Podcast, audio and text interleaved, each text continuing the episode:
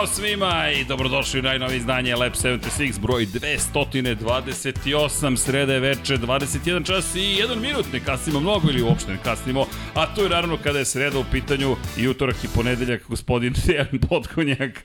Zdravo, Deki, Ćao, nisam te video 24 čas, 21 čas zapravo ceo nemoj, molim te, počinjem da se, da, da, da se navika, ne, ne, ne, odvi, ne mogu da se odviknem. Od ponedeljak smo radili Artemidine, dakle, Artemidine lansiranja, htio da kažem Semiramidine vrtove, ali to je neka druga priča. Artemida je trebalo da poleti, nije Artemis se sprema možda u petak, ko zna. Subotu. U subotu, Već je, nove, da. opa, U subotu ima prozor od 2 sata, kako smo rekli Vanja, od 7 i 17 do 9 i 17 popodne. popodne. Da. Taman se uklapa, tok je Jimmyjeva svadba. Da, ali 50-50 da će biti to. 50-50. Da, da, da. Pa dobro, dođem na svadbu, pobegnem sa svadbe, završimo lansiranje i onda se vratim na svadbu. Upravo me zvao gospodin Ivan Nedeljković. Jimmy, ako pratiš Jimmy, udri like, udri subscribe. A, pozivam i sve vas da udarite like koji ste se već pridružili. Zašto? Pa pričali smo već milion puta o tome, ali algoritam, ljubav, širimo pozitivne vibracije i još jedna, ovoga puta molba, udrite subscribe, zašto? Pa ukoliko vam se dopada sadržaj, nadam se da ćete udariti spune, mada sada ovde je flagrantno vas pozivam da dođemo do tih 20.000, 19.209 subscribera. Ni da se previše bavimo brojevima, ali kad su jubileji blizu, nekako nam je zabavno da dođemo do 20.000, pa ajmo da poguramo malo to. Pre nego što dođe Red Bull Show Run, o, da nam to bude misija, za dve i po nedelje da budemo do 20.000, dok ne nabavimo neku M jedinicu, RC 213V, Suzuki, nažalost, više ne možemo da pričamo o Suzuki, ali RSGP Apriliju ili RC 16-icu KTM ili možda i neki Ducati GP22, da jezdi ulicama grada Beograda, ljubitelji MotoGP-a, možete da uživate u zvuku Formula 1, V8 motori će se čuti, stiže RB sedmica 17. septembra 2022. godine ili ti za dve i po nedelje ukoliko ovo gledate uživo. 13 časova Trg Republike, 2 sata suve zabave. Vrlo će biti glasno, uzbudljivo. Nadam se da ćete se pojaviti tamo zajedno sa nama. Što se tiče ekipe Lab 76, pokušamo da shvatimo gde će biti naš kutak, da ga tako nazovemo. To vam ne garantuje neki sad spektakularni pogled ili nešto slično, ali garantuje dobru zabavu ukoliko ste već na ovom kanalu Infinity Lighthouse i ukoliko pratite Lab 76. Nadam se da ćete biti tu zajedno sa nama. Mi ćemo svakako pratiti, ja ću biti zadužen za vođenje zvaničnog dela programa, ali ću se potruditi da se družimo. A radimo na tome da posle toga, to je bio vaš predlog, organizujemo i negde zvanično druženje, ne smijem da kažem još gde, još nismo dobili potvrdu da li je to moguće, izvodljivo i tako dalje, ali ukoliko sve bude kako treba, ostanete posle Red Bull show rana i imamo pa neko privatno druženje, privatno, javno druženje, neće biti streamovano, ali ćemo se nadam se lepo zabaviti, pa eto, to vam je poziv da nam se pridružite svakako 17. septembra, a tada imamo i kvalifikacije za veliku nagradu Aragona. Tako da je ugođaj kompletan. Pa kad prođu kvalifikacije, gospodin Đankić će se takođe pojaviti, gospodin Živković će biti u studiju, da li će studio biti na Trgu Republike ili u, u sport klubu, ne znamo, ali će svakako sport klub prenositi takođe sve što se bude događalo na Red Bull show ranu. Pa eto, da mi polako ali sigurno krenemo, pred nama je nešto još zabavnije za ovaj vikend, a to je šta, mada kada budemo svi zajedno čuli V8-icu, ja od kad je nisam čuo, jedva čekam da čujemo, mislim da ćemo imati grimase kao Lewis Hamilton prošle godine, kada, ali, ne, pre dve sada već godina Alonso vozio njegov šampionski Renault iz 2005. godine, mada je to bila V10, ali dobro. Da, ali ovde je utisak pojačan zvukom koji se odbio od zgrada. Tako, Tako, da, u to kanjonu. Da. Biće to zabavno, zaista, zaista mislim da će to biti pravi spektakl, ali o tom potom doći će vreme i da o, to, o tome pričamo još bliže i šta je RB7 i šta je sve učinio Sebastian Vettel u njemu i tako dalje, tako dalje. No, idemo mi na naše voljene dvotočkaše i spremamo se za šta, ljudi, nastavak sezone, no, pre nego što krenem. Ljudi, vodite računa jedni u drugima i vozite i mazite se i pazite se uradite nešto pozitivno, neku poruku pošaljite na 30 30 917 na primjer ili u Švajcarskoj ukoliko ste Human 917 na 455 prosto da pomognemo nekome i da eto potrudimo se da bude još lepša planeta, a imamo i preporuke, makar ja imam preporuku za muziku, ali to doće na kraju emisije, ali tako? Pa čak imam i preporuku za knjigu. Razmišljao sam, moramo da vratimo taj segment. Ekipa preporučuje knjige, muziku i tako dalje. A sada da krenemo o pitanje da li nas pred veliku, to jest za veliku nagradu San Marina i Riviere Rimini čeka Dr. Peko ili Mister Banjaja. Uz negodovanje, moram odmah da kažem, koleginici iz prodaje koja je rekla ne može da se koristi pojam doktor u MotoGP-u više. Rekao bih da koleginica vrlo jasno zna za koga je sačuvan termin doktor, ali ukoliko volite doktora Valentina Rosija, tu nam je negde knjiga, eno je knjiga, sve njegove trke, Matt Oaksley, shop.infinitylighthouse.com, kako sam to lepo ubacio koleginici iz prodaje, ste zadovoljni tim momentom, apsolutno dobijam jedan thumbs up, ali činjenica je da je koleginica zaista nezadovoljna kako može iko da bude doktor osim Valentina Rosija. Da, ali nema tačku, tako da mi pričamo o medicinskom doktoru, ni doktor nauka, vožnji i tako dalje. Šalom strano pokušavam da se izvučem, ali aluzija je jasna da li će se pojaviti Peko Banjaja koji pobeđuje ili će se pojaviti Peko Banjaja koji pada. Na ovoj stazi prošle godine je šta? Pobedio i pao. Tako da, istorija govori u prilog tome da može jedno i drugo da se desi. Kada pogledamo ovogodišnji šampionat sveta, u momentu kada juri za Fabijom Kvartararom i Alešom Espargarom, ili Mr. Jekyll, ili, to je Dr. Jekyll ili Mr. Hyde, izvinite, sad se plašim da potrebim termin doktor, ali, deki, šta ti kažeš, je li adekvatan ovaj naslov nekako, još pa, dobro, pride, da. koga čeka? Da. To je ono što si ti rekao, srđane, moraš da dodaš đavola i beštiju, pogotovo zver na ovoj stazi. Da, pa, mislim, ok je u, u, ovaj, u, u tom nekom poređenju odnosno na prošlu sezonu, ali jednostavno ja ne bih ovaj, ne bih se uopšte pripremao za ovu trku tako da, da ona treba da bude sve ili ništa. Ona je samo od, odlična pozornica da, da se nastavi ovaj, ovaj niz uzastopnih pobeda, ali mislim da nije ništa nije ni, ni blizu gotovog, tako da, da svaki dobar, dobar rezultat, a to u stvari podrazumeva plasma na podijum je za Peka po meni odličan i jednostavno mislim da mora tako da se uh, da se postavi ovaj, kao ovoj trci, ali znam da je to izuzetno teško, posebno što voziš maltene na, na, na pragu kuće i ovo je jednostavno tvoja staza i naravno bit će ovaj, sve crvenije tribine verovatno.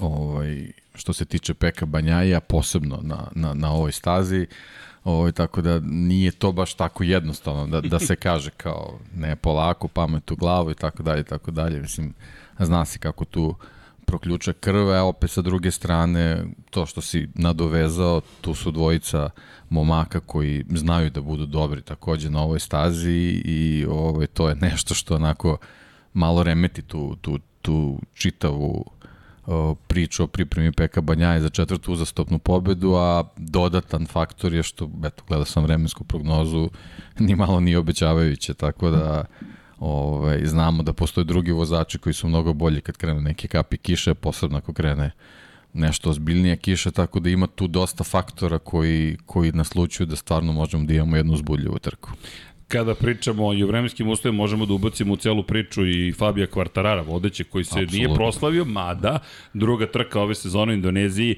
nije da mu nije odgovarala. Naravno, Jadransko more je pukolno nadomak staze, tako da su vremenske promene, to je promene vremenskih uslova moguće i trenutne gotovo u nekim situacijama.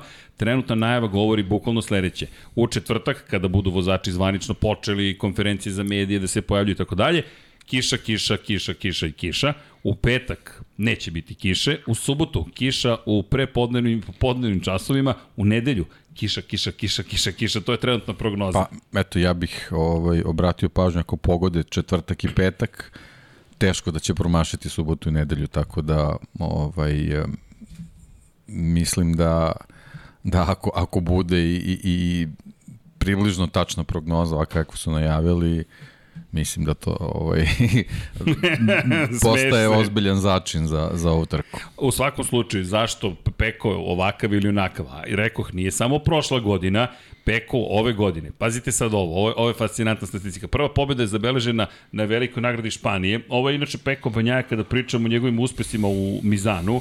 Dakle, od 2013. prve dve godine takmičenja nije završio nije završio, a Vanja mi pokazuje gore, dole, gore, dole, da ima zube ovde nacrtane, pa je osmi bio u Moto trojkama, pa je bio 21. pa je bio treći, pa je pobedio u Moto dvojkama, pa nije završio, pa je bio drugi, pa nije završio, pa je pobedio, pa nije završio. DR i MR, eto, klasično. Tako je, DRMR, bukvalno, sve se uklapa u naš naslov, koleginica može da se žali koliko god hoće i možda nije u redu da ubacimo ikoga za doktora, ali Ako bi neko smeo, pa to je valjda čovek koji je pobedio na poslednjoj trci u karijeri Valentina Rosija s njegovom kacigom iz njegove akademije, čovek kome on pomaže lično da ostvari veće uspehe, odmahuje glavom koleginica i dalje. Udrite jedan like za koleginicu iz prodaje koja ne odustaje od svoje teze da je to rezervisano samo za Rosija. Ali, od Španije na ovamo, mi smo ukupno do sada imali osam trka. Dakle, prve trke u Španiji, Jereza. Peko Banja je pobedio na pet, na tri nije stigao do cilja. I otud ponovo Dr. Peko i Mr. Banjaja. Pobeda, pad. Pobeda, eliminisan iz trke, pad. Pobeda, pobeda, pobeda.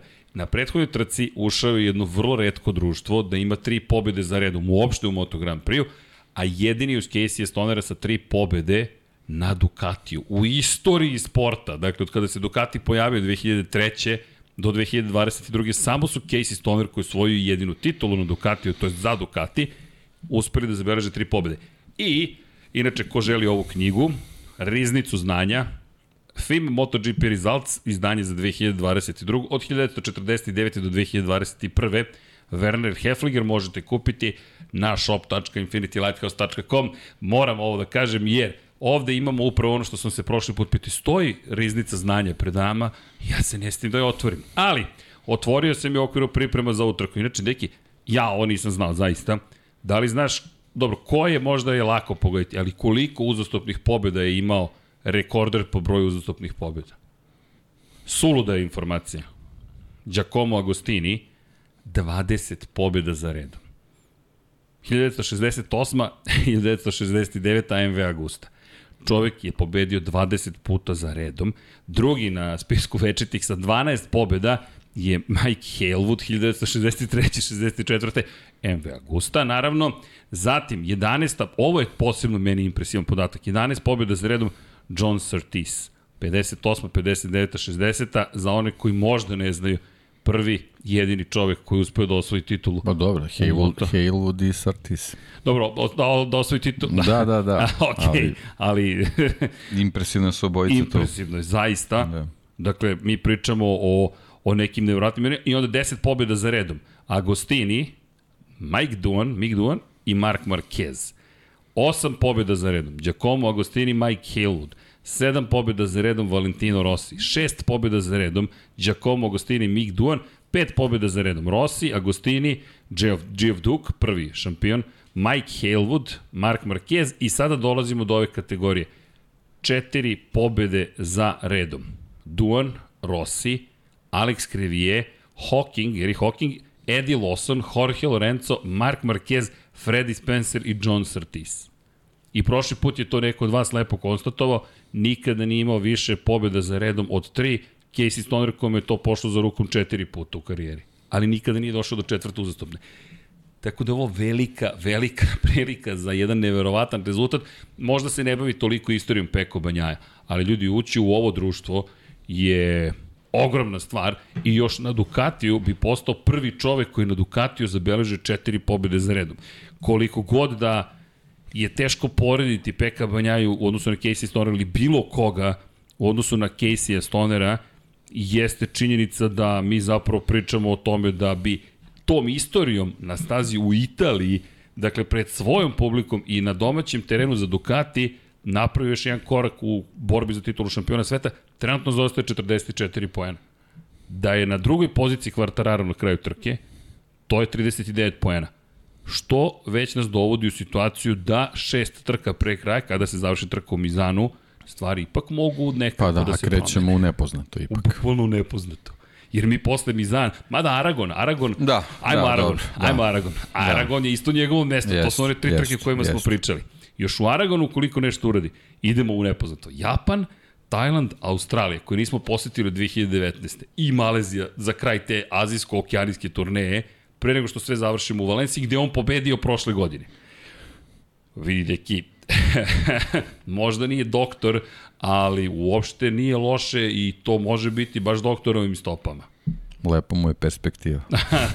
deluje vrlo, zaista deluje vrlo lepo i moram reći da da ovo deluje kao nešto što je zaista ne, potencijalno jedna neverovatna sezona, neverovatna završnica sezone i samo da spomenem Johna Sartisa, samo kada sam spomenula, nismo rekli zašto on je jedinstven, jedini koji je svoju titulu u Moto Grand Prix-u, dakle u 500 kubika i postao šampion sveta Formula 1 neverovatan. Još kada čuješ ove rezultate, broj pobjeda, šta je sve radio, neverovatni vozači, generalno neverovatni vozači. Ali to je neko drugo vreme, da u 2022. smo i zato gledamo ka Peku Banjaj, ali znaš šta mi je simptomatično?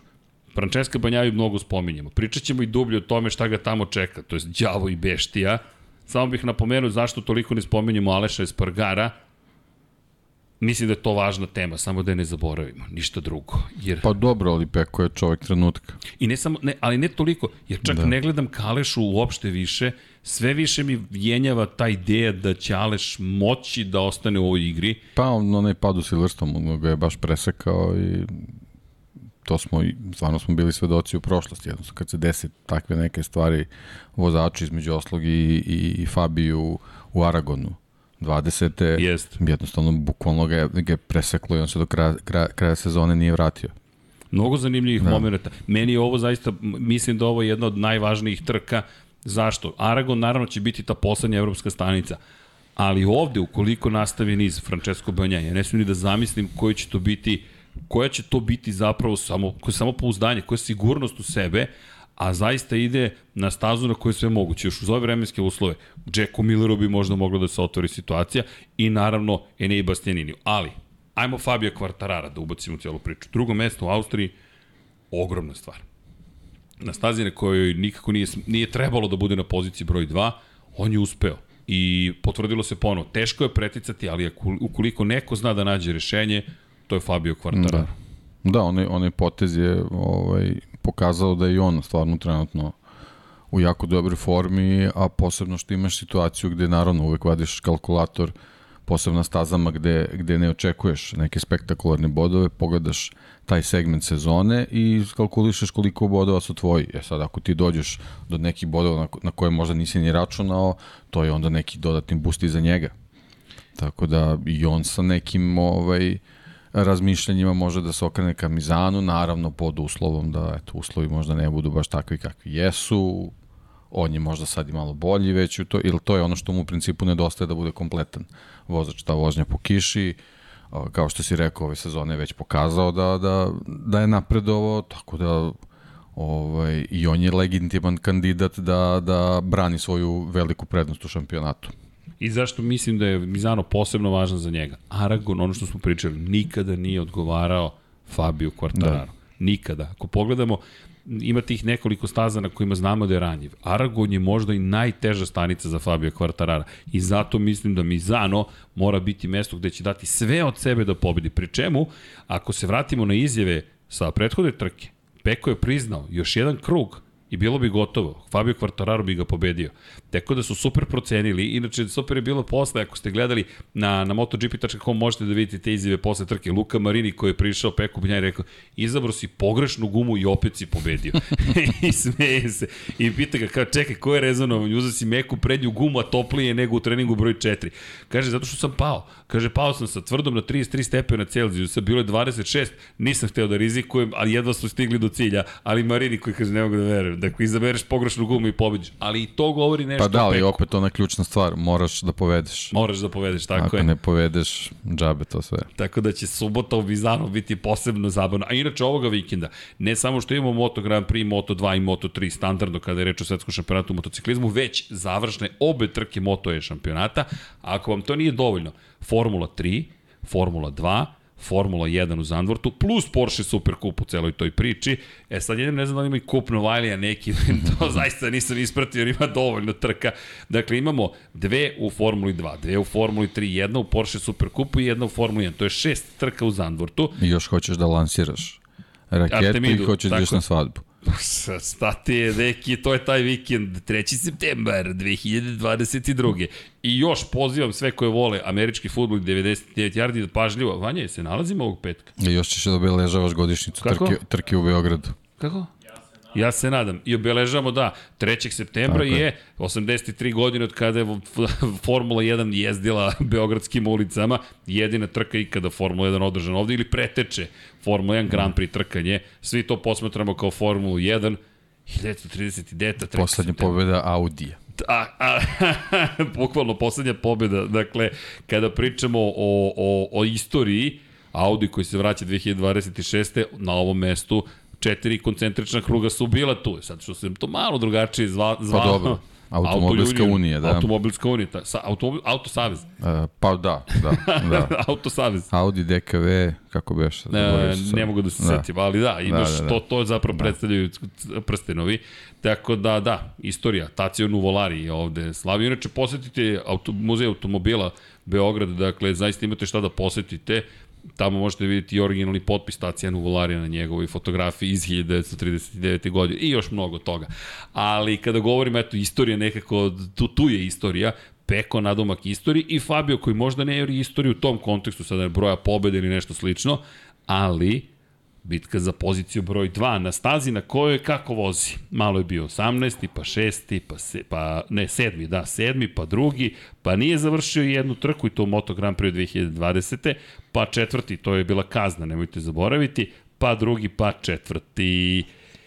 E I što sad. najvažnije, prošle godine na tom mestu slavio svoju šampionsku titulu. Jeste, proslavio Tako titulu. Tako da, to je onako lepa uspomena i lepa inspiracija za ovu sezonu. To mu je rekao Jack Miller, ti se po lepom sećaš Mizana i da, seća se po lepom, međutim tu mu je Peko poklonio svojim padom zapravo titulu, da je Peko pobedio u tom momentu kada izletao sa staze bio na vodećoj poziciji ispred Marka Markeza, bitka za titulu bi se produžila. Verovatno bi Fabio i dalje bio šampion, ali je u tom momentu Peko i dalje imao pa da, ali, ali, ali ta neka Fabiova trka u Mizanu i, i i pozicija na kojoj završio trku je možda i neki pokazatelji peku kako treba Mizanu voziti i ne, ne ići na, na sve ili ništa.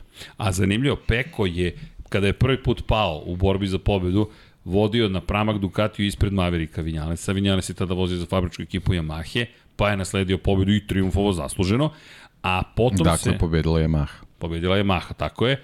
Pričem, pa da, Yamaha Yamaha zna ovde vrlo lepo da ide. Zatim, kako je poraz pretrpeo, zatim, e, kada pričamo, oprostite, o, o, o Peku Banjaji, je izleteo u momentu kada vodi ispred Marka Markeza u borbi opet za, za triumf u tom momentu gde to i bitka da se produži borba za titulu šampiona sveta. Međutim, Fabio, kakve poraze pretrpeo? Koga je pobedio u Mizanu 2019. u debitanskoj sezoni? Mark Marquez, koji mu je bio senka celu trku i čekaju, čekaju, čekaju, čekaju da ga napao u poslednjem krugu i Fabio i tad rekao, ok, učim, Isto mu je uradio na Tajlandu, s tim što je uzvratio Fabio, ali u poslednjoj krivini poslednjeg kruga Marquez odneo pobedu i osvojio osmu titulu. Za sada i poslednju pričat ćemo i Marko Marquezu, koji inače danas vozio motocikl, činjenica na karting stazi, ali seo je na CBR Hondu i vozio osmeh na licu mu je bio, što bi rekli englezi, čiš češar ket. Dakle, od uva do uma, bukvalno čitajte, inače pre, toplo preporučujem Luisa Kerola i Alice u zemlji čuda. U svakom čovjeku inače izmislio reči u engleskom jeziku, e, ali dobro, to je neka druga priča. Činjenica je da je tu pretrpeo nekoliko poraza, međutim, slično Red Bull ringu je zaostajao za Pekom tačno za jedan krug u proceni kako treba koristiti gume. I Peko je isto ponovio prošle godine u Mizanu, kada ga je Fabio sustizao u poslednjem krugu, rekao još jedan krug izgubio bi trku. Što mi ne govori da Peko vrlo dobro zna da proceni što gume, što gorivo, jer Ducati dalje najviše troši goriva. Ali dobro, time se ne bavimo previše dok ne ostanu bez goriva. U svakom slučaju, Fabio ovde rekao bih da ima ozbiljnu šansu. Možda i najozbiljniju šansu kada je reč ovih nekoliko trka i pogotovo ta priča koju si rekao, idemo u nepoznato. Ali u toj cijeloj priči nam nedostaje vozač broj 3. I kao što sam najavio, neće biti Aleš Espargaro, njega ću ostaviti za četvrto mesto ako se slažeš, zato što će pobediti Enea Bastianini. Novi fabrički vozač ekipe Ducati, deki, i to je potvrđeno na izgled. Pa potvrđeno i nekako očekivano. Pa, Iskreno, jeste. da.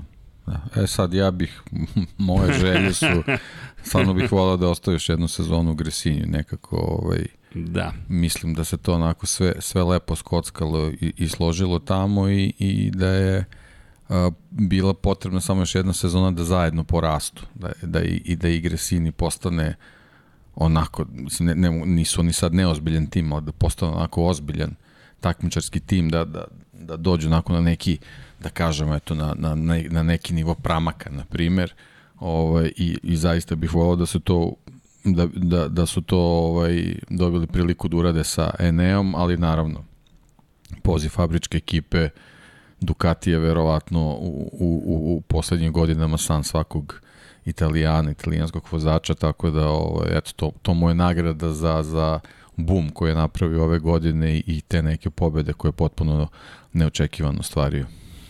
Enea zaista mislim da je zaslužio, kao što si rekao, ali takođe se slažem da je možda malo rano. Da bi mu prijelo pre nego što stigne u naj, jednu od najzahtevnijih organizacija po pitanju odnosa sa ljudima zajedno sa fabričkom ekipom KTM-a, da se izgradi dovoljno da kada stigne bude spreman za sve što ga čeka. Jer mislim da ni, da ni sam ne zna šta ga sve, sve, sve zapravo čeka u ovoj priči, ali okej. Okay to je bitka bila s Martinom, čini mi se da je veća briga bila kako pobediti Jorgea Martina, jer da je Martin ušao u fabrički tim, a sigurno je bilo da će neko ući kada je Jack Miller dobio otkaz, čini mi se da je cilj bio ući u fabrički tim baš zato da ne bi Martin dobio tu priliku, jer ukoliko Martin dobije priliku u fabričkom timu, ja mislim da ga neće tako lako niko isterati iz te kože, iz tog odela. I zato mislim da ovo bila bitka protiv Martina, ali Ducati bi mogao da plati cenu i nisam siguran da će Jorge Martin ostati u bojama Ducatija, jer dolazak Enea Bastianinija, Italijana koji ima tri pobede ove godine, koji ukoliko zabeleži tri pobede sledeće, nema šanse da dobije otkaz.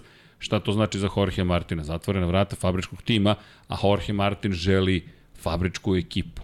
Tako da mislim da će Martin, čim se negde ukaže prilika za fabriku, a mo, mo, ukazat će se negde, možda reći da. je vreme da idem. Martin je možda, eto, meni bio onako veća želja da se nađe u, u fabričkoj ekipi Ducatije pre svega zato što sam želeo da vidim kako će jedan vozač koji je onako drugačijeg stila od, od, od vozača koji su sad, sad dobili priliku kako bi se on snašao u, u fabričkoj ekipi generalno upravo to što kaže zbog te čitave komunikacije sa timom i, i, i njihovim ustrojstvom, dok sa druge strane ovaj, Enea ima neke svoje kvalitete, ali uh, manje više to, to su onako kako bih rekao, italijanski, jako slični stilovi vožnje, s tim što je Enea je možda razvio taj neki malo prefinjeniji osjećaj, upravo to što se spomenuo vezano i za peku, ovaj, malo, malo bolje ovaj, osjećaj osluškuje gume i, i generalno ono što smo primetili što je njegovo najveće oružje, to je taj finiš, sama završnica trke gde, gde stvarno ume da, da iskontroliše kompletno stanje motocikla i da izvuče najbolje bukvalno i, i svakog kruga kako, kako odbrojevamo do, do, do karirane zastave, tako da ima on, ima on te svoje kvalitete, ali kažem, više bih voleo da ih je potpuno izbrusio i, i, i ovaj, nadogradio u, u Gresini, onako čisto emotivno. Da onako. Da slažem pa, se, da, bilo bi eto, samo, lepa samo priča. to, da, ali naravno, apsolutno pozicija u fabričkom timu Ducatija, to je ravno onim pričama što smo pričali prethodnim godinama Pole Spargaru, Repsol Honda i Jack Miller u Ducatiju, apsolutno da, mislim. To kada dobiješ, to, to su to, njihovi ciljevi u karijeri i, i, i jako je lepo to dostići je sad, naravno, mnogo je dobra stvar kad, kad dobiješ tu priliku i onda je onako baš maksimalno iskoristiš, je sad, naravno, ne, ne mogu svi da se snađu, dešavaju se, eto tako, možda neka mala razočarenja, ali, ali generalno ovaj, svakome treba dati priliku ako je zaslužuje i posebno ako, ako, ako kao je Nea raste bukvalno sa svakom trkom, naravno ima tu mnogo uspona, padova, ovaj, ali, ali generalno niko njega ove sezone nije očekivao toliko dobrih rezultata, vidimo da njegova armija navijača raste i Ovaj, to je još jedna stvar s kojom će Peko morati da se bori, ovaj, a posebno što to može već da se vidi na ovoj trci vezano za Ducatijeve navijače, ali on će se boriti protiv fabričkog vozača koji to još nije. A u stvari da, jeste. a u stvari jeste.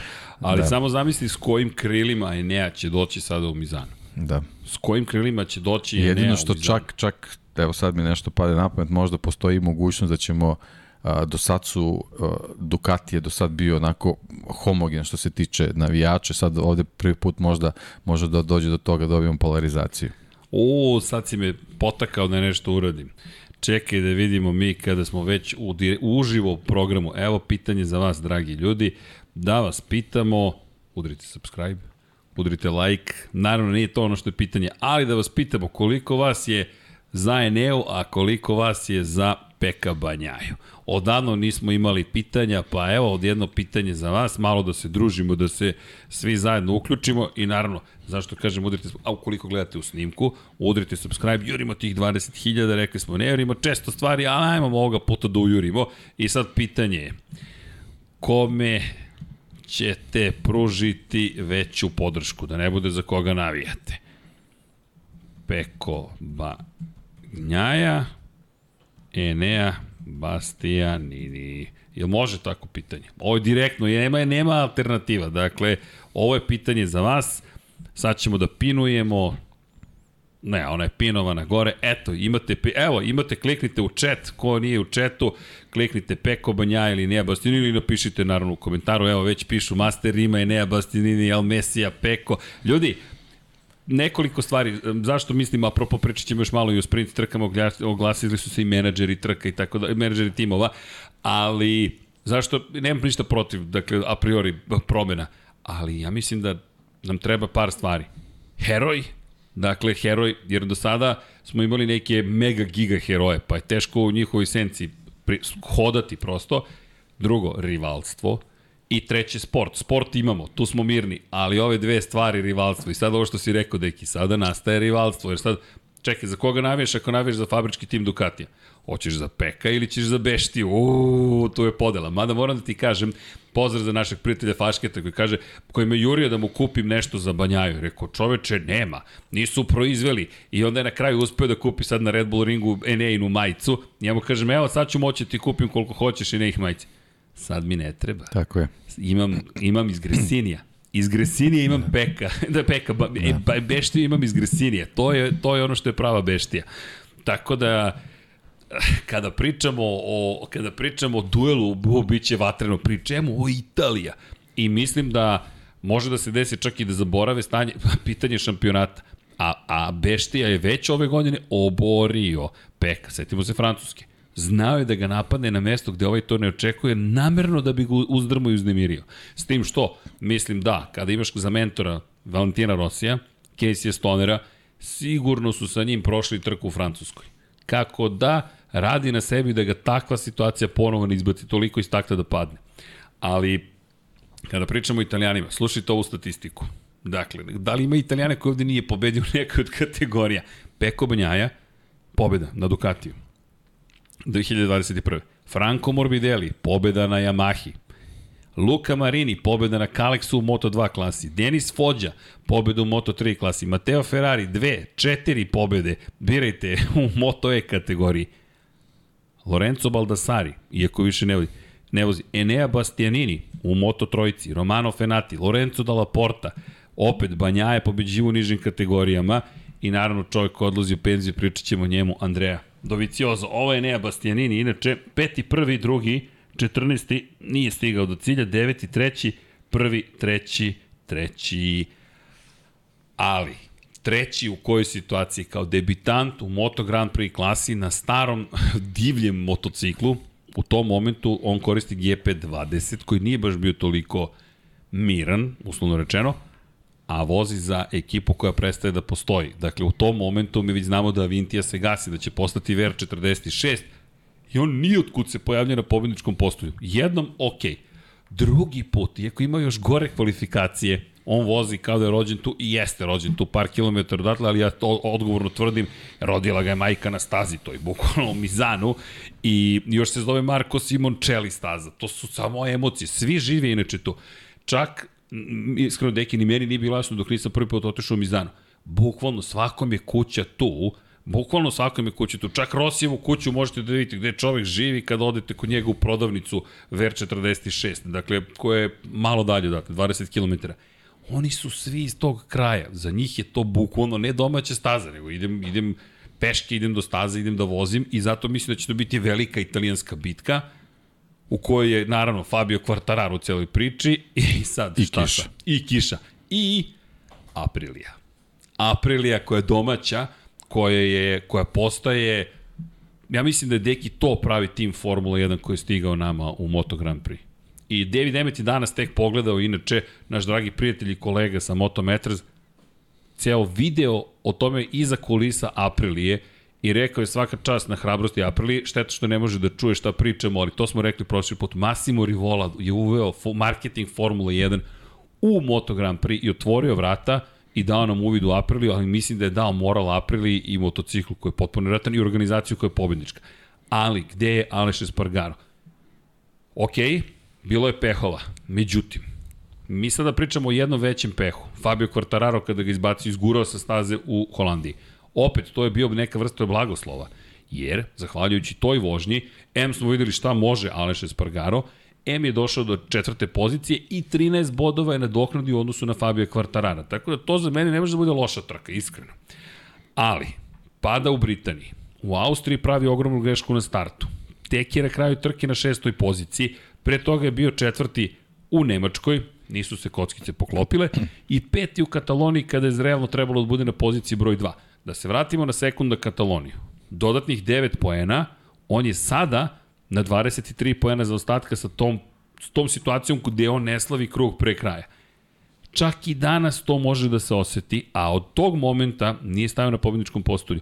I sad ideš na domaći teren za fabriku koja je iz Noala, ja, tamo iz regiona Venecije, ti moraš da ostvariš dobru trku. I ovo je za mene baš dobar test za Aleša Espargara. Ej, prošle su još dve nedelje, ajde sad da ne napraviš grešku, jer sad već počinjem da hmm, se pitam da li nam se vratio malo starija verzija Aleša Espargara. U svo dužno poštovanje, posle briljantnog Asena, ipak smo imali dve trke od onda i samo 17 pojena od te dve trke. Da, i da se nadovežemo na, na kompletnu prethodnu priču, ovo je sad staza koja odgovara velikom broju vozača. Znači sve tvoje prednosti možda se tu već anuliraju, tako da baš mora ovaj, da, da prođe dobru pripremu za ovu trku. Ja mislim da ovo je ključna, mentalno ključna trka za njega. Jer on mnogo voli tu ekipu. I ako podbaci, kada je reč o Apriliji, ja mislim da će biti u problemima. A ima kao testeru zubove kao i kod Peka Banjaje. 11. nije završio. 13. nije završio. 10. nije završio. Nije završio. 14. 12. 13. nije završio i tek onda polako 8. pa 7. u prethodnoj, u prethodnoj godini. Da, i ti pikovi nisu ništa spektakularni. Tako je. Da a ti, kao što si rekao, si potrošio neka mesta gde je trebalo da budeš moćan. Pre svega mislim na Silverstone i da kompletiraš tu trku u Kataloniji. Austrija, ok, do nekle da razumemo, ali opet Aprilia znamo da ima prilično moćan motor i to je moralo da dođe do izdržaja, ali ok, Ducati zaista imao neku svoju posebnu, ima svoju priču na Red Bull ringu i onda dolazimo sada, kao što si rekao, u Mizano, a tu te čeka horda Italijana, spremnih vilama da se bore za poziciju broj 1, jer tu nema ničeg drugog između njih. Dakle, to je baš bitka za prvu poziciju. Evo da vidimo kako ide ovde. Uuu, dramatično je. 129 glasova, Peko Banja je 46, 54 je Nea Bastianini. Oh, oh, oh. I evo kakva je podela. Neki tačno polako po pola možeš da podeliš i kažeš, ok, ko su Banjajni ljudi, ko su Beštini ljudi. Da, će imati dve polovine garaže. Mislim da Ducati to neće dozvoliti, ali Mislim da će to biti zabava za sledeću sezonu. da, bukvalno. Pazite tu zabavu podeljena garaža Ducatija. Vidjet ćemo. Jack Miller, zašto je hteo Jacka Millera, Peko Banja? Postavite mi ovog firmu gospodina sa desne strane, on dođe da me pod... Samo zamisli, kada bude napravio grešku Peko, jel vidiš Beštiju kako dolazi da ga zagrli, da mu kaže možeš ti bolje i da mu kaže gde je pogrešio u kojoj krivini. ne verujem. Mislim da će samo ovako sedeti, vrtiti se na stolici i čekati da izađe nazad na stazu. I to je to. Ali dobro. U svakom slučaju, kada pričamo o, o onome što nas čeka, čeka nas pravi spektakl. I sad, moram ti priznati, volao bih da se bore za pobedu. Ne bih volao da Kiša dovede do toga da nemamo nastavak borbe za titulu šampiona. To je poslednje što želim. Neka se oni bore na Kiši. Neka vidimo na Kiši. Ali ako dođemo u situaciju da nema ni jednog od glavnih protagonista u šampionatu, to isto govori nešto o njima, a istovremeno malo, rekao bih da kvari zabavu u kontekstu potencijalne bitke za titulu šampiona sveta. I povrh svega da dodamo par stvari. Jedna jeste Andreja Doviciozo, nažalost ne očekujem mnogo, voleo bih poslednja trka za Andreja Doviciozo i ne samo za njega. Meni je, moram priznati, žao što neću biti u Mizanu, Ramon Forcada takođe odlazi u penziju, makar je to potvrdila ekipa Yamahe. Čuveni šef, glavni inženjer Jorge Lorenza bih pre svega rekao, radio i sa drugima, ima uspehe i sa Frankom Morbidelijem, ali Ramon Forcada za mene je jedna od onih legendi, bukvalno ovoga sporta. Godine čine svoje i kao Silvano Galbusera i on je rekao, ljudi, ja bih manje da putujem malo, ali Ramon Forcada, zapamtite to ime i prezime, on i Jorge Lorenzo šta su uradili, na glavačke su u jednom momentu krenuli bukvalno Moto Grand Prix, oni su delili garažu s Valentinom Rosim i Jeremy Burgessom i pobedili ih. To je nešto što malo ko može da kaže u svojoj karijeri, tako da će mi biti žao što ga nećemo videti više, ali ok, život ide dalje, možda ga negde sretnemo, pa vam neki u intervju ukrademo, možda će sada biti lakše da pričamo s njim. Inače ima ozbiljan smisla za humor Ramon Forcada, što možda nikada ne biste rekli koliko je ozbiljan kada, kada sedi u garaži. Ali to je neka druga priča. U svakom slučaju, U, Banjaja otima prednost, 51% za Peka, reaguju Banjajini, 49% za Bastianinija.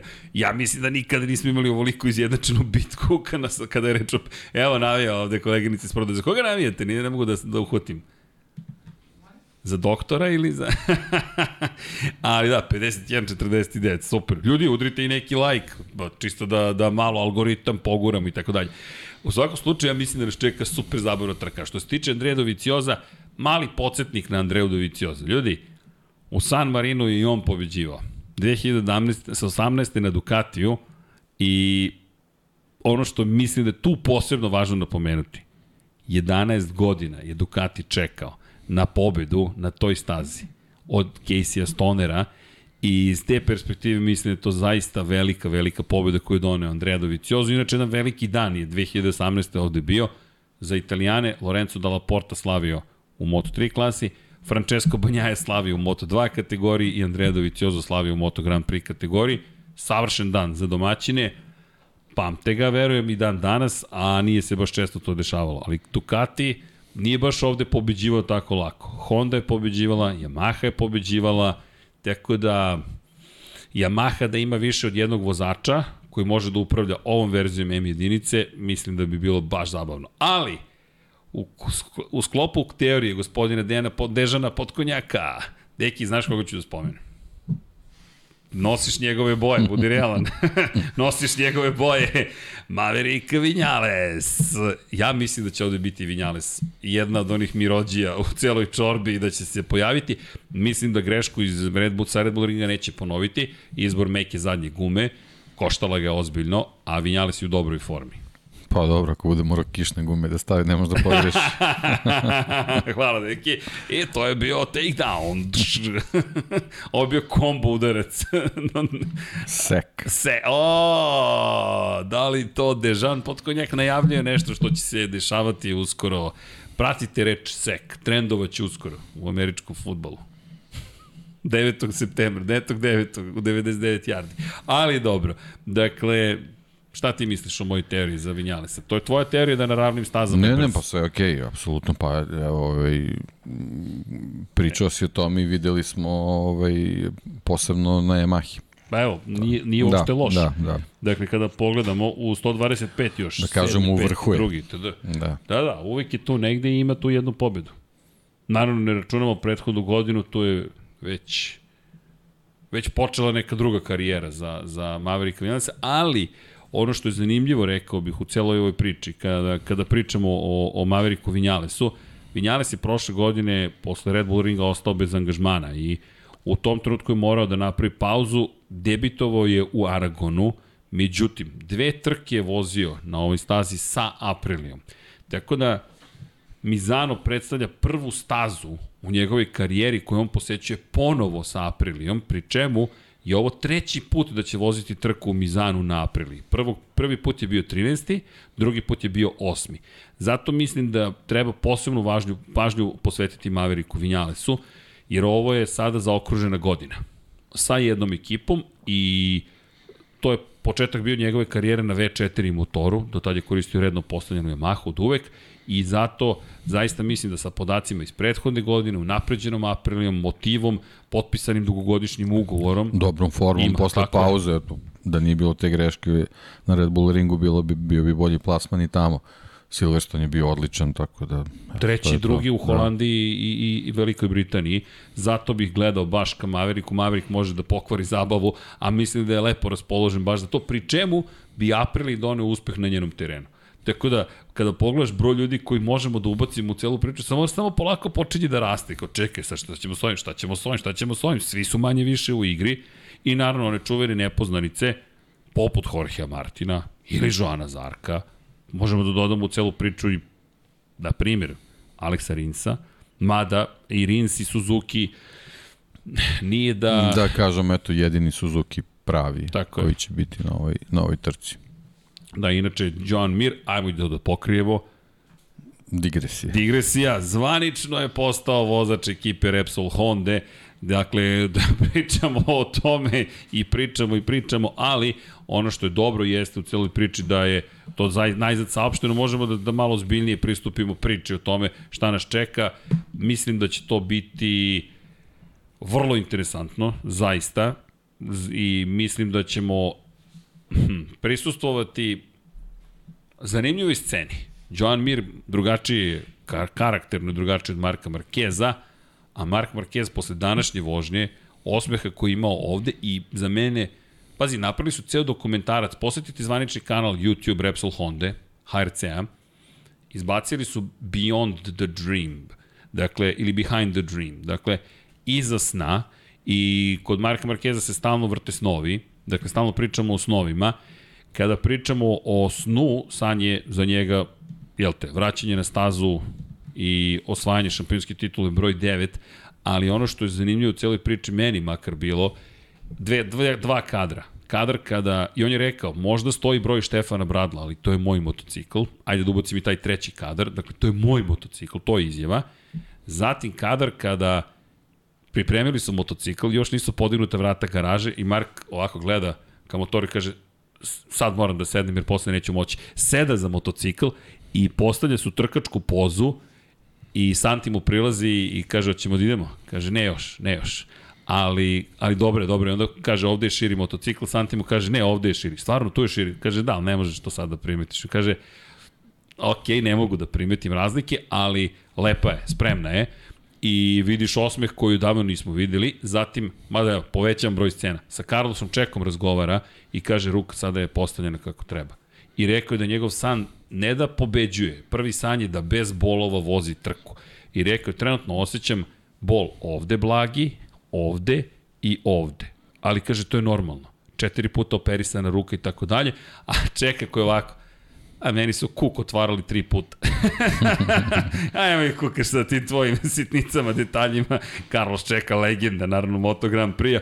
Inače, Bik, baš pravi Bik. On je jedan od prvih koji uveo vežbe snage, gornjeg dela tela kako bi kontrolisao bolje dvotaktaše, kasnije četvrtaktaše i važio za jednog od fizički najjačih vozača. I Carlos čeka i danas u super formi i kaže, baš sam pričao o tebi i sreći Markeza i sad kreće ta cela priča i ono što, kažem, u toj celoj priči je meni kasnije bio ključni, ključni kadar koji ima vezu, makar za mene, prilazimo jedan od mehaničara i počinjemo šapuće.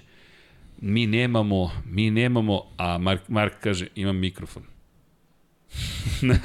I mehaničar se sklanja, kaže imam dva mikrofona.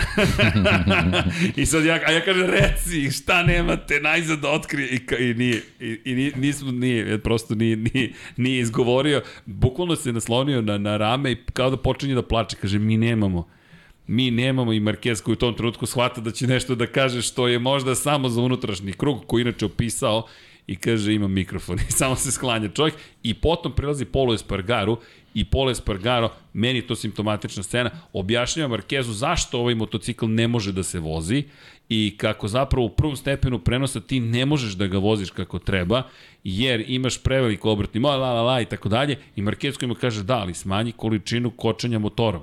Ne možeš zato što I razmišljam, ne, Pol, ne, ne, ne, ne, majstor svog zanata ti govori nešto i onda shvatim, ta sujeta se ne da prevazići. Da, lakše mu je tako. Da, nije dovoljno sujetan, ja to često ponavljam, nije dovoljno sujetan da posluša drugog, nego je premalo sujetan.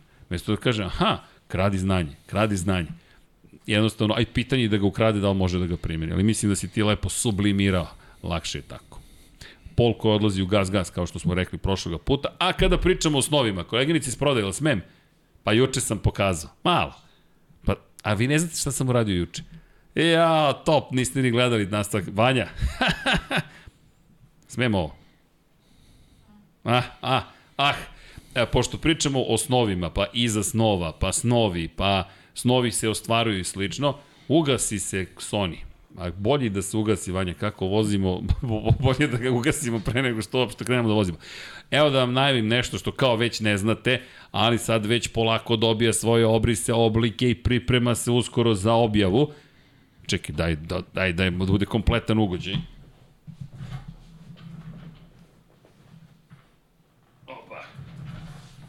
Jel te? Gospodin Nikola Brđević je definisao kako će nam knjige, da ne kažem, pakovanja knjiga izgledati. Pa, ovim smo hteli da vas iznenadimo. Ko nema knjigu, to je, ovako izgleda, čekajte, zaštićena je, korica, mi sve naravno pakujemo ovakve monografije, zato što sad imamo jedno, ali stiže još, zato što ih treba čuvati žuta za Rosija i opa, ode mikrofon. A, samim tim, tanana, o, Vanja, kako si ga ubacio. Jel se vidi? Tako će izgledati kutija za knjigu iz 2013. Snovi šampiona moja priča Emilija Pereza de Rosa sa Mark Marquez. Tako da eto, da znate da se to sprema, ali imamo mi još ideja. Gledam gospodina urednika. Uredniče, ste zadovoljni? Niste? Nisam rekao kad izlazi. Pazite, to je napredak. Ali, coming soon to the shop.infinitylighthouse.com Eto, toliko smem. Inače, bit ćemo na sajmu knjiga od 23. do 30. oktobra u Beogradu. Pa, ko voli knjige, bit će tamo naše izdanja, nadamo se da ćemo do tada imati više izdanja i tako dalje. Da se vratimo na stazu. Mark Marquez bi mogao, uz sve što je učinio, iako je rekao da su male šanse da se pojavi u ponedljak čak i na testiranju. Što će biti veliki trenutak za sve. Ovo danas je bio bukvalno ulični motocikl na karting stazi i to je zanimljivo bilo videti. Karting staza, zašto mislim da je bitan moment, to je promjena smera kretanja. I to je mnogo veće To je jedino što je bitno, da. Tako je. Pravac nije bitan, apsolutno. Tako je. Tako da znate da može da se desi da ga vidimo u ponedljak na motociklu. Simuliranje mase motocikla, prebacivanje mase, to je to. Bukvalno to je to. I ono što će biti sada u Mizanu zanimljivo jeste ukoliko sede na motocikl, upravo test za telo i dobio je dozvolu da ga vo, da vozi. Dakle, tako da može se desiti da će imati Marka Markeza na stazi, što mislim da je velika stvar, jer ide kao onome što je rekao da mu je cilj do kraja godine da vozi jednu trku. Da, interesantno je da ćemo na ovoj trci u Mizanu imati Repsol Hondu koja neće imati ni jednog vozača koji će sledeće godine voziti za tim. Da, sad je to izvanično. Da. E, ali ne znam sa Takakim Nakagamijem šta će se desiti. Pa ne znam šta će se desiti, ali Mir i Marquez neće voziti u trku u Mizanu, to je, to je ono što je, što je sigurno. Tako da Repsol Honda ovaj, neće imati mnogo informacije da. vezanih da. za, za njih sledeće sezone. Da, povređen ti Mir, daleko. povređen da. ti Marquez ili u poravku, Pole Spargaro odlazi, Štefan Bradl Pa dobro, Štefan pa, Bradl. Štefan Bradl, eto, Štefan ali Bradl. sad vidimo da ovaj, ipak su Markezovi podaci onako najvažniji i pa, ključni u svemu pa, da. i, i ono, eto, vezano za ovu priču za, za Repsol Honda, znači oni imaju praktično dream team za sledeću sezonu, ono što smo i najavljivali da, da Repsol Honda u stvari mora da napravi. Imaju dvojicu svetskih šampiona za sledeću godinu i što je njima možda i najvažnije u ovom trenutku dvojicu možda i najvećih radnika u, u, u šampionatu od da, trenutnih je, vozača. To je zanimljivo. To je zanimljivo, da, da. Zapravo, to nisam razmišljao. Ako pogledaš Mir u Barceloni, kada je bio povređen Alex Rins, je najviše radio od svih vozača i nije se žalio. Mark Marquez se nikad ne žalio. Pa i u Mizanu prošle godine na testovima. I... Jeste, oni baš puno radio. Da. Da, deki, to je sjajno opažanje, kao i uvek, naravno. Dami i gospoda, da imam potkonjak, tako da Mir i Marquez, ako ništa drugo, će testirati kada god budu mogli kada god u predsezoni, ja mislim da će imati hiljade i hiljade krugova. Sve što je potrebno Repsol Honda u ovom trenutku su mir, stabilnost i Marquez. Opet. You did Opet. it again. you played with the words. Da. Moramo napišemo pesmu. Opa, mir, stabilnost, Marquez. A to neku majicu moramo da napravimo, deki. Mada koleginica iz prodaje me ne gleda baš milosrdno po tom pitanju. Ali dobro, dobar, dobar. Dejan Potkonjak, oštar kao i uvek. Ali da, zanimljivo će to biti dva šampiona. To je ono što smo negdje pričali da žele zapravo da imu da imaju da imaju u, u, u svojoj garaži. Da. I sad naravno, bit će zanimljivo vidjeti kako će da, se Da, i sad za razliku od, od, od Pola Espargara koji je došao u Repsol Hondu sa nekim ushićenjem, uh, Joan Mir dolazi sa olakšanjem u principu, jer posle ovog šoka koji se desio sa Suzuki i da. tim naglim otkazivanjem učešća u šampionatu, što, što je jednostavno ogromna turbulencija za karijeru svakog vozača, posebno za, za Mira i Rinsa koji su nekako sebe videli, verovatno još, još u tom Suzuki-u.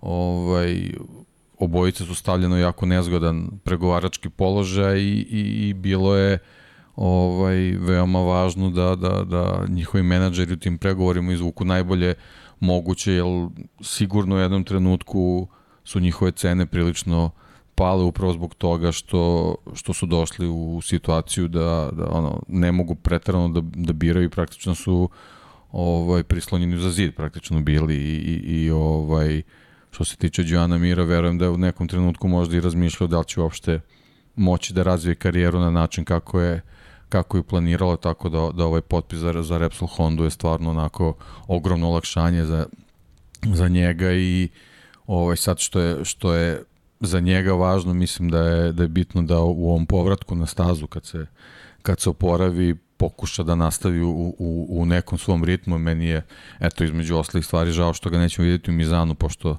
znamo kako je otključao ovaj, onaj splet krivina posle startnog pravca, stvarno izuzetno dobro prolazi tu i mislim da bi on bio ovaj, posle dužeg vremena ponovo ovaj, u, u samom vrhu i to je generalno i, i tim uvodnim krugovima na Red Bull ringu i pokazao do, do, do lansiranja.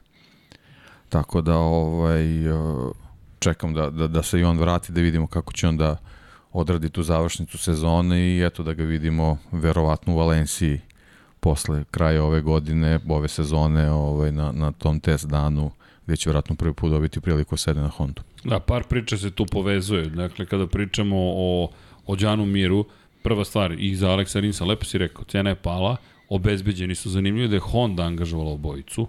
Dakle, Honda koja će sada dobiti gro informacija od onome što je Suzuki zapravo radio i dobija razvojni tandem koji je učestvovao direktno u tome. Onaj ko će nedostajati je Silvan Gintoli, koji je francuski vozač, svetski šampion u Superbike, jedan preozbiljan vozač. Šteta što, što možda neće imati uplit kakav imao do sada. Možda njega pre treba da angažuju nego Štefana Bradlu uz dužno poštovanje Bradlu, ali ok, to je neka druga priča. Činjenice da donose neko novo znanje, neke nove informacije i to će biti vrlo zanimljivo. Ono što je meni takođe vrlo zanimljivo je što je ukoliko Takeo Yokoyama ostane, Takeo Yokoyama se izlanuo pre par meseci de, kada je rekao, kada su ga pitali nešto oko V4 motora, rekao je, pa da, još nismo pripremili i4 motor, to je sredno postavljeni. I onda, se, onda je pogledao, kaže, se se izbrbljao.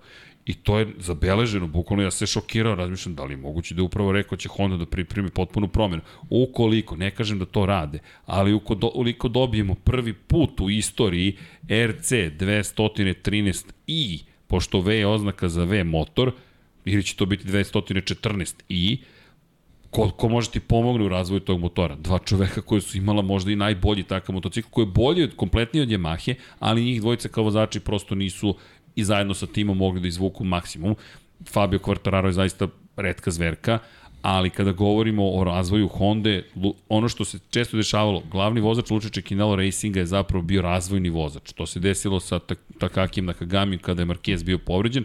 Alex Marquez, mlađi brat, nije mogao da razvija. Karl Kračan imao previše padova, povreda itd i dolazimo u situaciju da će sada verovatno Alex Rins biti taj koji testira. Jer Mark Marquez je tokom ovog videa rekao, tokom trkačkog vikenda vi ne možete da testirate nove delove. Kome će pripasti ta uloga, zahvalno, nezahvalna, Aleksu Rinsu verujem. I to je to, spašavam karijeru, ali otvara mi neke nove Pa da, ali, ali sa, sa potencijalno dobro odrađenim poslom njegov ugled će da poraste do Stratosfere. Bukvalno do stratosfere. Da. A imaći dalje motocikl s kojim može da se trka. Tako je. Tako da, win, win, win, win situacija za sve praktično. Alex Marquez prosto nije pokazao dovoljno i odlazi u Gresini umesto Enea Bastianini, bit će tu zanimljiv eksperiment i za njega i za ekipu. Inače, ajde da iskoristimo priliku kada pričamo o ovome, potvrđeni su vozači u RNF Apriliji, samo da napomenem onima koji ne znaju, RNF Aprilia će koristiti ovogodišnje verzije Aprilije, dakle sledeće godine RSGP 2.2 će biti u upotrebi, morat ćemo da dodamo 2.2 kao um, oznaku, kao nomenklaturu, dakle zašto? Da bismo razaznavali koja je nova Aprilia, koja je stara. Mislim da je to dobar, jedan zreo potez ekipe, dovodiš vozače, uhodavaš ih u ekipu, ne ugrožavaš fabrički tim, jasno je postavljena struktura, koliko god sam uvek navio da svi imaju iste motore, sad mi deluje kao, kao da je to prevelik haos za inženjere, da se pogube u, u svemu tome, fokus je na glavnoj ekipi, dakle Aleš Espargaro Maverick Vinales, a ovde imaš koga? Miguela Oliviru i Raula Fernandeza. Zanimljivo, Miguel Olivire koji je odbio ponudu Gas Gasa, mislim da je ponosni Portugalac bio spreman samo da promeni tim jer nije mogao da prihvati način na koji su se ponašali prema njemu. Pa čak mislim da je ostalo zapamćeno ono kada je odbio da ode iz teh 3, jer su mu rekli ostani tu, manje više to je sve isto, a onda promovisali Breda Bindera direktno iz Moto2. Da, su više odbijanje je bilo tako je. Ovaj, sa njegove strane, tako da, da je bilo gotovo izvesno da, da tu više saradnje ne, ne može da bude. Da, iako su mu ponudili neku ruku pomirenja za bukvalno ostanak u KTM-u, ali opet ideš u gas-gas koji prerasta iz Tech 3 u gas-gas.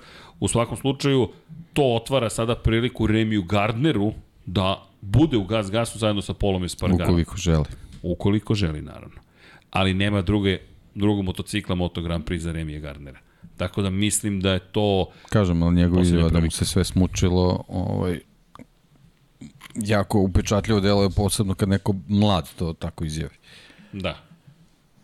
Tako da, ovaj, vidjet ćemo. Ja bih volao, volao bih da ostane zato što apsolutno nismo videli ni približno njegov potencijal, ni čim da. raspolaže, tako da bilo bi lepo da može još jednu sezonu da, da uradi, ali ako, ako on to ne želi, to je već preduslov za, za katastrofu, tako da bolje onda da, da traži neki svoj drugi put. Da, ono što je neverovatno prema pisanju Wiser Down, tri trogodišnji ugovor je ponuđen bio Oliviri. Dakle, mi ne govorimo o ugovoru na jednu ili dve sezone. Ne, ne, ne.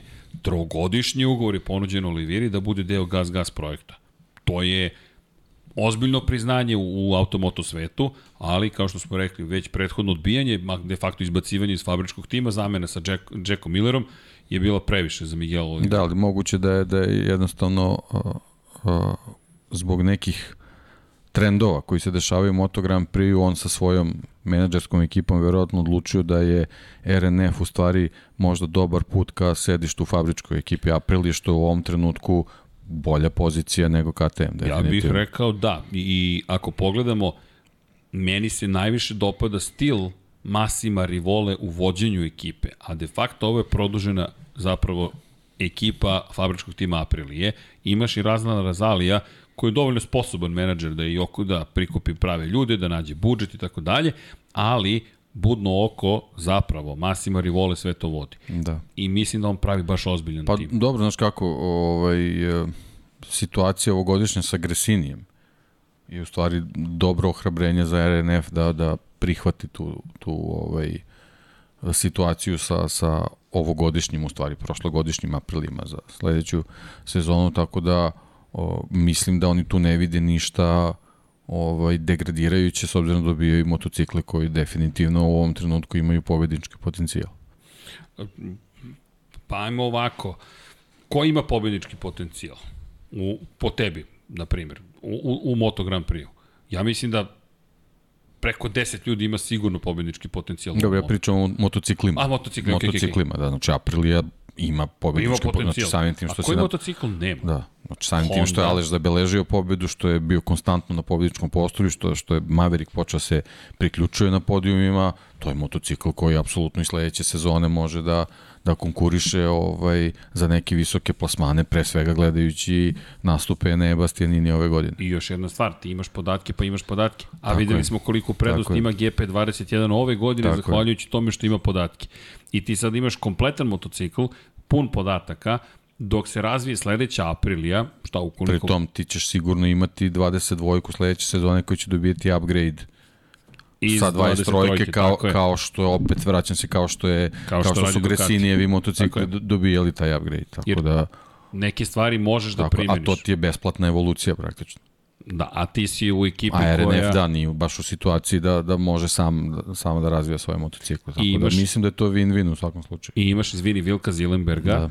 Koji je sjajan menadžer ekipe. Setimo se, Vilko Zilenberg je u jednom momentu delovao kao da bi mogao da nasledi zapravo ni manje ni više Lina Jarvisa u fabričkom timu Yamahe. Dobro, Lin Jarvis ne ide nigde do daljnjeg, Lin Jarvis voli trkanje, a nije Japanac, nema obavezu da se penzioniše kada napuni 65 godina, Lin Jarvis već je prešao tu da. granicu, ali ono što je super u toj cijeloj priči, to je tim koji sa Fabijom Kvartararom se borio za pobede, borio se čak i za šampionsku titulu, tako da kada govorimo i zabeležio pobede, ne znamo zaboraviti u jednom momentu Petronas Yamaha je pobeđivala 2020. godine, vodili u šampionatu, tako da taj tim nije zaboravio kako se to radi. Da, I ne samo to vezano za, za vozače, ti dobiješ dvojicu momaka koji su bili u, u, u ekipi od koje je praktično napravili učila kako da razvija motocikle. To je to. Imaš Miguel Oliviru koji je prošao i, i satelitsku ekipu i fabričku ekipu, a imaš i Raula Fernandeza koji je bukvalno pokupio sve šta je bilo loše u ovoj u priči ove sezone i to je ono što, što će biti saznanje da, za Apriliju da ne skreće s tog puta, jer, jer mi praktično gledamo Aprilu koja kasni ajde da kažemo jednu ili dve sezone za KTM-om u razvoju i sad dolazi ta kritična godina gde Aprilija ili će da dođe na sam vrh ili ćemo sledeće sezone gledati šta to ne funkcioniše u odnosu na 2022. Jasno. Tako da ovaj, Ja mislim- mislim... da je dobar izvor, izbor vozača, posebno što su oni vozači koji donose ozbiljne sponzorske pakete, jedan i drugi, tako da to je sjajna priča. Što se tiče Raula, on, on dobija ozbiljnu priliku da, da vozi, mot, vozi motocikl koji je ozbiljan takmičarski motocikl iz ove godine i ima priliku da, da vrati svoju karijeru i da krene onim putem za koji sam ja uveren da jeste da nasledi Marka Marqueza u Repsol Hondi. Da, Raul Fernandez je trenutno zaboravljen. Što, Fernandez... što ni u najluđim snovima niko nije mogao da seća se njegovog osmeka sa zimskih testiranja. Sve, sve je kao po loju išlo. Ja mislim da tu samo to raspad to jednostavno u komunikaciji između menadžmenta njega u kombinaciji sa problemima s motociklom. I da je to dovelo do toga, jer kada god smo ga sreli na stazi, Fernandez nije imao nikada osmeh na licu. Ne osmeh na licu, nego jedva ste mogli s njim da Pa Kako da pričate. ima jednostavno, ti bukvalno od, od prvog trenutka karijera. kad sedneš na motociklu u nekom trkačkom vikendu ti vidiš da to ne ide nigde. Ne, ne, ali bukvalno to On jeste mlad momak, ali vrlo iskusan i on, on, on vrlo dobro osjeća motocikl. Mislim, zato je, zato je toliki talent koliki jeste. On, on, on u, u prvim kilometrima već zna da li, da li će nešto na tom vikendu da uradi ili neće. A apsolutno je sve bilo pogrešno. I Da. što je naj, najveće, ovaj, u stvari najgora, najgora stvar za KTM, nije on bio jedini. To je to. Postali su trkački vikendi gde bukvalno ni Oliveira, jedan motocikl nije Binder, funkcionisao. Da. Gardner, niko nije uspevao. Ali, Oliveira i, i, i Binder su nešto iščupali tokom sezone.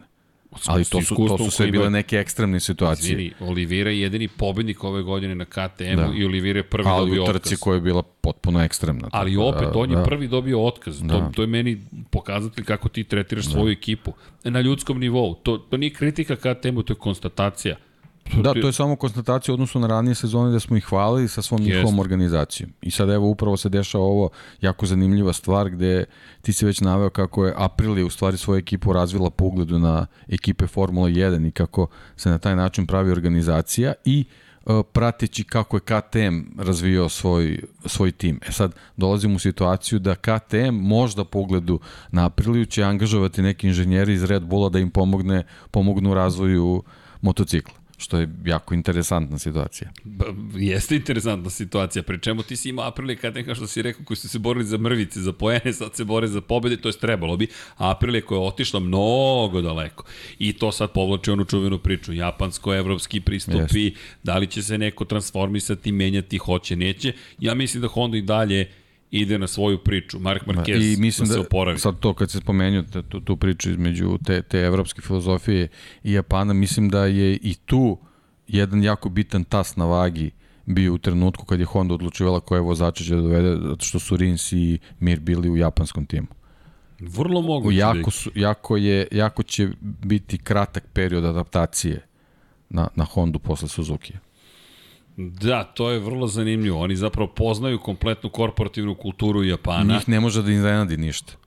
Da, da, Pola da, da, Espargara je verovatno Verovatno vrlo šokiralo. sve iznenadilo, da. Mada on bio da. teh Mahi, ali opet tu imao da. zaštitu jednog nije Francuza. To, nije to, da, da, da, nije to tu- ista priča, bila u tom trenutku. To je, to je neki drugi Moto Grand Prix. Da, to je neki mo, drugi Moto Grand Prix, ali da, moguće da je ta jednostavno kultura i njega zaprepastila, ali da, dobro razmišljanje, sviđa mi se.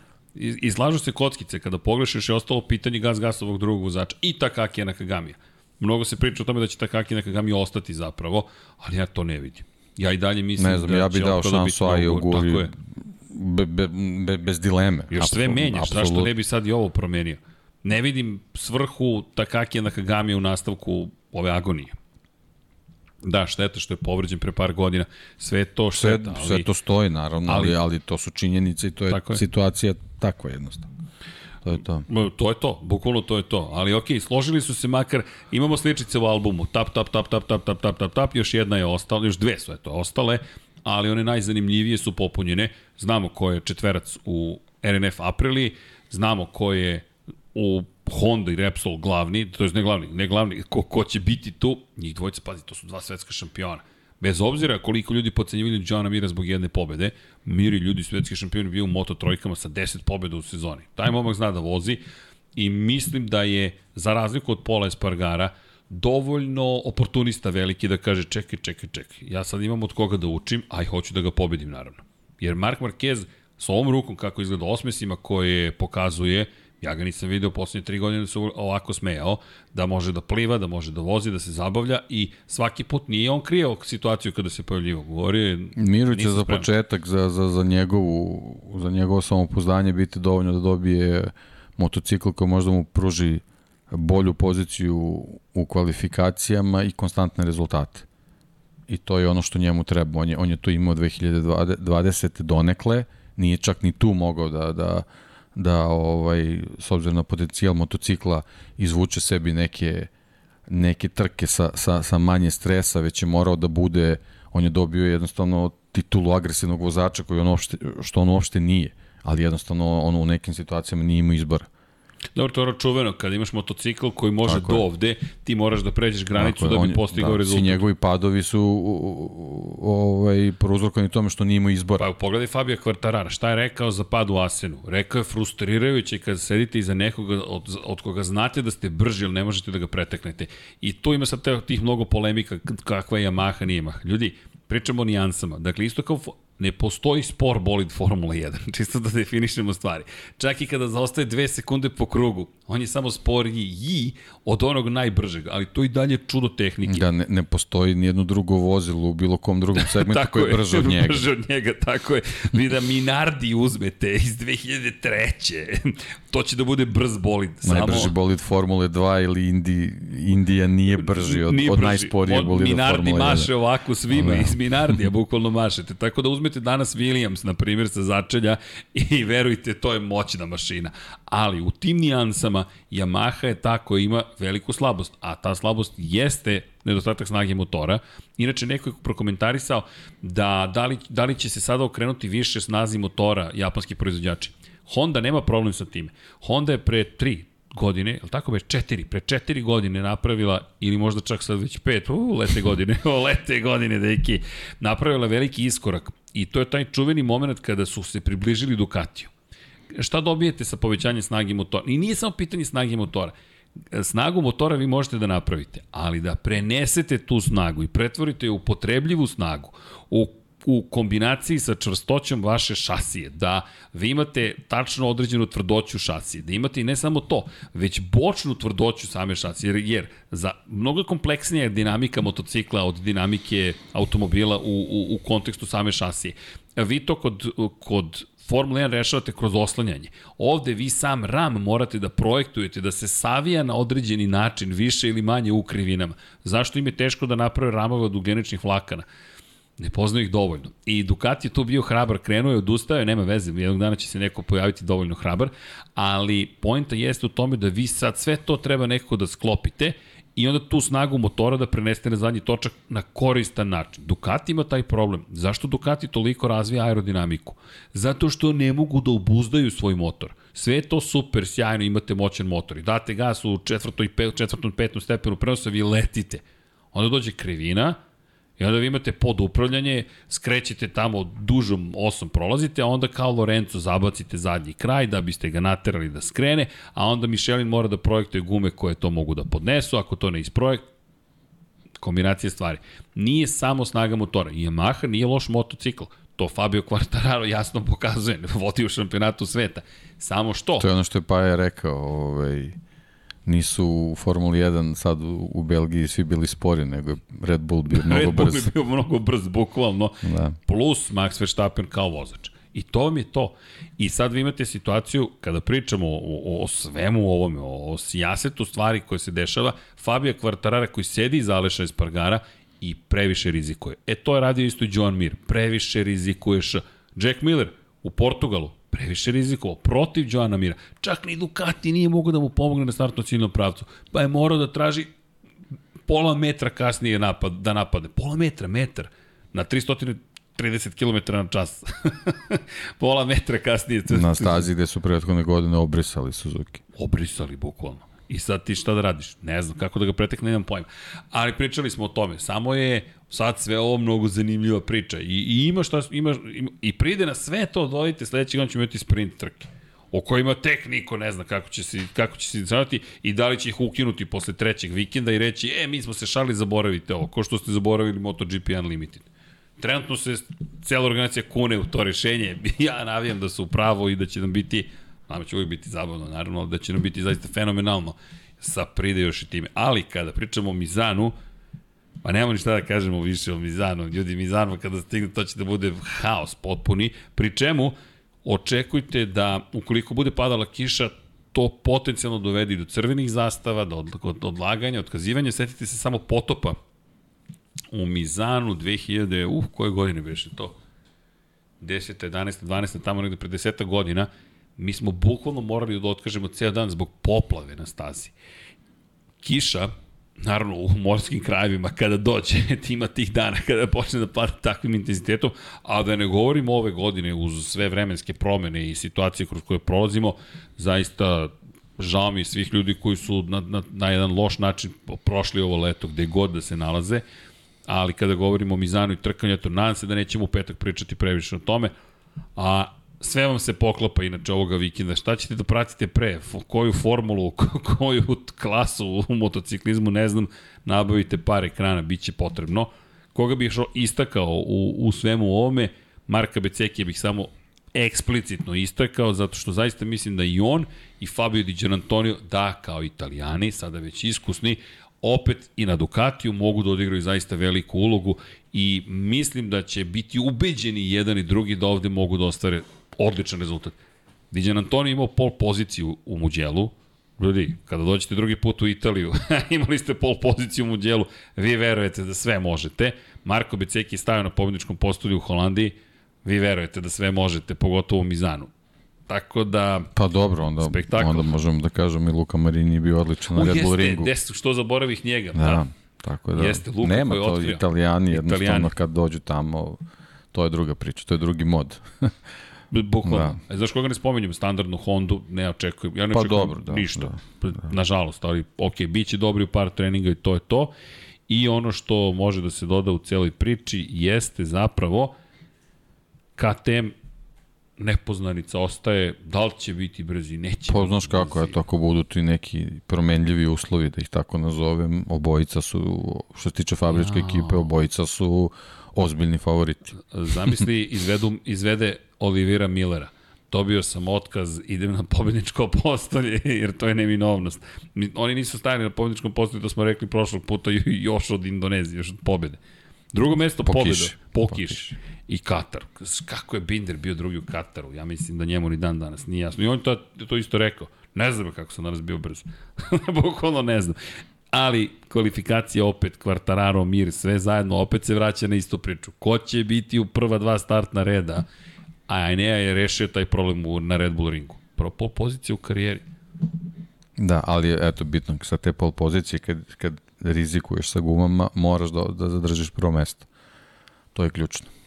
Da. Znači, možeš da ideš ili na sigurnu ovaj, kombinaciju, što je on ovaj, u stvari i pokazao da je, da je njegov stil vožnje. Jednostavno, poslednja trećina trke je ta gde on, gde on u stvari upali svoju beštiju, a ovaj, ovo, ovo na Red Bull ringu sa ovom pol pozicijom, u stvari mislim da je bio eksperiment ovaj, nekog stila vožnje koji u stvari možda i nije pravije ne Bastianini. Možda. Jer čudno mi je, nevjerovatno mi je da slomiš, da, da iskriviš prednji točak na ivičnjak. To, to se baš redko dešava. Pa u pokušaju da povrati to prvo mesto gde je znao da te meke gume ne mogu baš pretredno dugo da traju, eto, ta, ta anomalija koja se desila ovaj, Peku je u stvari pokazala. Svi su se čudili da, da je uspio da izgura s tom gumom do kraja. Da, ok, Peko ima očigledno razume gume. Ja razume da gume, gume nisu problem. i, i ovaj, prijemu ta vožnja na prvoj poziciji. Dobro, u Nemačkoj nije bio na prvoj Da. poziciji. Ok, bit će tu za... Biće zanimljivo, da. Biće zanimljivo. Dobro. Imamo mi još kategorija. I tamo će biti zanimljivo. E, I tamo ima Italijana. Mada. Ko je pobedio na ovoj... Evo, nagradno pitanje. Nije nagradno opet, nema nagrade. Ali ko je pobedio na ovoj stazi, a dobar je u Moto2 šampionatu, a nije iz Italije? Nije teško pogoditi. Smejem smo se i deki. Da. Naravno, Raul Fernandez. Sveže je, da. Sve, ne Raul, Augusto, Augusto, Augusto, Fernandez, izvinjam se, prebacih se na da. Raula. Augusto, Augusto. Da, to je, da pogledaš statistiku kao čekaj, Augusto je 2019. ovde pobedio. O, da, I pobedio i Raul, ali Augusto je pobedio pre tri godine. Augusto Fernandez, da, trenutno nije vodeći u šampionatu sveta Moto2 klase, ali on više voli, ja mislim, kada ne vodi nego kada vodi. Takav je makar utisak za sada bio. Neka očekivanja? Pa, Ma ne, ovo je nastavak bitke, ja se Da, malo da, šalim. Ovde, da. ovde mi nastavljamo bitku, ljudi, jedan poen deli Aje Oguru i Augusto Fernandez u borbi za titulu šampiona sveta i ovo, neću reći da je poslednje, ako Celestino sada vijeti, ne uradi ništa, ja zaista ne vidim da možemo da pričamo o ozbiljnoj borbi za titulu šampiona sveta. Mislim da se onda to svodi na to da naprave greške njegovi rivali i da se on uključi u bitku, jer Mizano jeste ta trka, ta staza. Ne, ne zaboravimo, Red Bull Ring je za njega emotivna važna staza, lep video, pa još postoji na motogrampri.com, to sam zaboravio, on je pričao. Njemu je Red Bull Ring mnogo bitan jer je tu zabeležio prvu pobedu. I otac ga je sačekao u krugu po završetku trke i rekao, otac mi je plakao, a to se redko dešava, čak ni na Red Bull ringu nije uspeo da ostvari ono što je trebalo da ostvari, nije čak ni završio trku. Tako da Mizano mi deluje kao slamka, ajmo, hvataj se, zaostaje 27 pojena trenutno za Ogurom, To je preko jedne pobede za ostatka. Sada, ukoliko ga pobede Ogura, koji je sve boljoj formi, i Fernandez, koji, ok, nije završio na pobedničkom postolju, ali opet osvojio 11 boja bodova i bio peti, će biti sigurno opasan. Mislim da Vijeti sad mora da, da triumfuje. Nema, nema druge opcije za njega. Pa da, ali, ali čisto zbog te trenutne forme, ovaj, onaj ko je, ko je prilično poremetio priču Augustu Fernandezu na Red Bull ringu bio Jake Dixon, tako da moramo i o njemu da razmišljamo, a kad gledamo neke, neke, neku matematičku poziciju ovaj, vezano za situaciju u šampionatu i trku u Mizanu, Aron Kane je čovek koji isto ovaj, ima, ima situaciju da je ono sad ili, ili nikad da uhvati priključak. Tako da ovaj, ima tu nekolicina vozača koja onako stvarno može da da ima ozbiljnu motivaciju da, da bude dobar na ovoj trci i naravno ponovo onaj momak koji se, koji se podiže posle teške povrede Pedro Costa. On je uvek, uvek u, ovaj, u toj priči i ja ovoga puta uh, Znam koga Reci. će. Jake Dixon. uh, spomenuo sam J.K. A, Dixona, ne, ne, ali mislim da ćeš ga posebno istaći. da, Alberta Renas. A, Renas. Kad smo već u toj A, ekipi, dobro, da, dobro. mislim da, da, da i on polako hvata ovaj, Da ti tipaš baš ozbiljnije na Renasa. o, dinamiku Moto dvojke, da. Da, on sporije uči, Da. Ali kada Studiozniji nauči, je. studiozniji, da, Da, da, da, da. drugačiji je Renas. Da. Da. Mada on isto emotivac. Mada mislim Jake Dixon iskreno. Da, mislim Jake da Dixon, kažem, baš, posebno zbog, zbog Red Bull ringa i, i, i čoveka koji je Ajovcima ovaj, pokvario sve planove. Da. Tri puta treći O, za da, red. Da, da, da, da, to. I ono, znaš, rešena već situacija za sledeću godinu, to jest ne, ne rešena, nego onako ti sad imaš motiv da čupaš to jedno mesto ovaj, o, što se tiče Moto Grand Prix. Gas, gas. gas, gas. Ta je, ta je linija. Gas, gas. Ovaj, Ma da, Spominje se, izvini, da. i Sergio Garcia se čak spominje u, ne, ne znam, okej, okay možda sam ja previše konzervativan, ali zaista mislim da moraš da, da moraš da ideš Da, ali znaš kako, Jake Dixon, Velika Britanija, nedostaju, da, da. on je dobar i sve bolji. De, definitivno je sve bolje. Kaže El Messi, Arena si odavno gotov stari deda.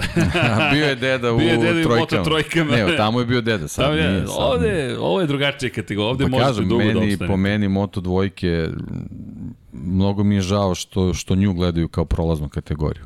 Moto dvojke uopšte nisu. A to. dobra je klasa i su i sve bolje, pogledaj Tako koliko su, ovo je mlada jedna generacija koja se silom prilika malo i zaglavila ovde jer nema gde da ide i moraš da ovde sada da brusiš svoju igru, da dođeš do izražaja, Znaš, gledam... Znaš, da, da ne zvučimo mi pretredno konzervativno, ali jednostavno ranije 250 kubika ko je šampion tamo, to je ovaj, ozbiljna titula. Jeste, to, to, to se znao. I ja bih volio eto, da, da te, te dvojke nekako ovaj, zasluže svoje pravo mesto u toj priči. Znači, moto trojke su neko obdanište, ne, ne, ne, neki vrtić da učiš nešto, ali ali Moto dvojke to je jednostavno ovaj ozbiljna kategorija koja koja zaslužuje i rad i posvećenost i, i talenat i brzinu i, i, i, i sposobnost da, da, da se ovaj da, da napraviš okruženje i ekipu oko, oko, oko, oko sebe koja će ti omogući neke šampionske rezultate, tako da ne bih ja ovaj Moto dvojke gledao na taj način kako se, kako se danas gledaju. Pa ja mislim da se tu desila promena već. Da se desila promena i silom prilike, ne samo to. Ti si zapravo često, mislim da si ti meni najviše pomogao u kontekstu toga da koliko god da sam razumevao taj odnos, da shvatim još više nijanse i finese neophodne kod ekipe da bi neko uspeo u moto dvojkama. Jer sam svodio na inženjera glavnog i na vozača. Ali baš ove dve godine, hvala na tome, deki, koliko radimo, sam posebno pažnju počeo da obraćam na, na zapravo ljudstvo u Moto2 timovima. Jer jednom shvatiš, čekaj, čekaj, čekaj, to je ono što deki priča. Ovi momci mnogo zavise ne samo od inženjera, od celokupnog okruženja. Mislim da je to, to ono što ti upravo govoriš. Uh, ajmo ovako, da pokušam da pojednostavim stvari. Ukoliko situacija se bilo ko od vas koji ste sa nama sada, susreo da može da radi samo svoj posao. Bukvalno, samo svoj posao. To isto važi za ove vozače. Vozi. Cijela organizacija u timovima Moto dvojki morala da ode na nivo gotovo Moto Grand Prix-a. Aki Ajo je preteča toga.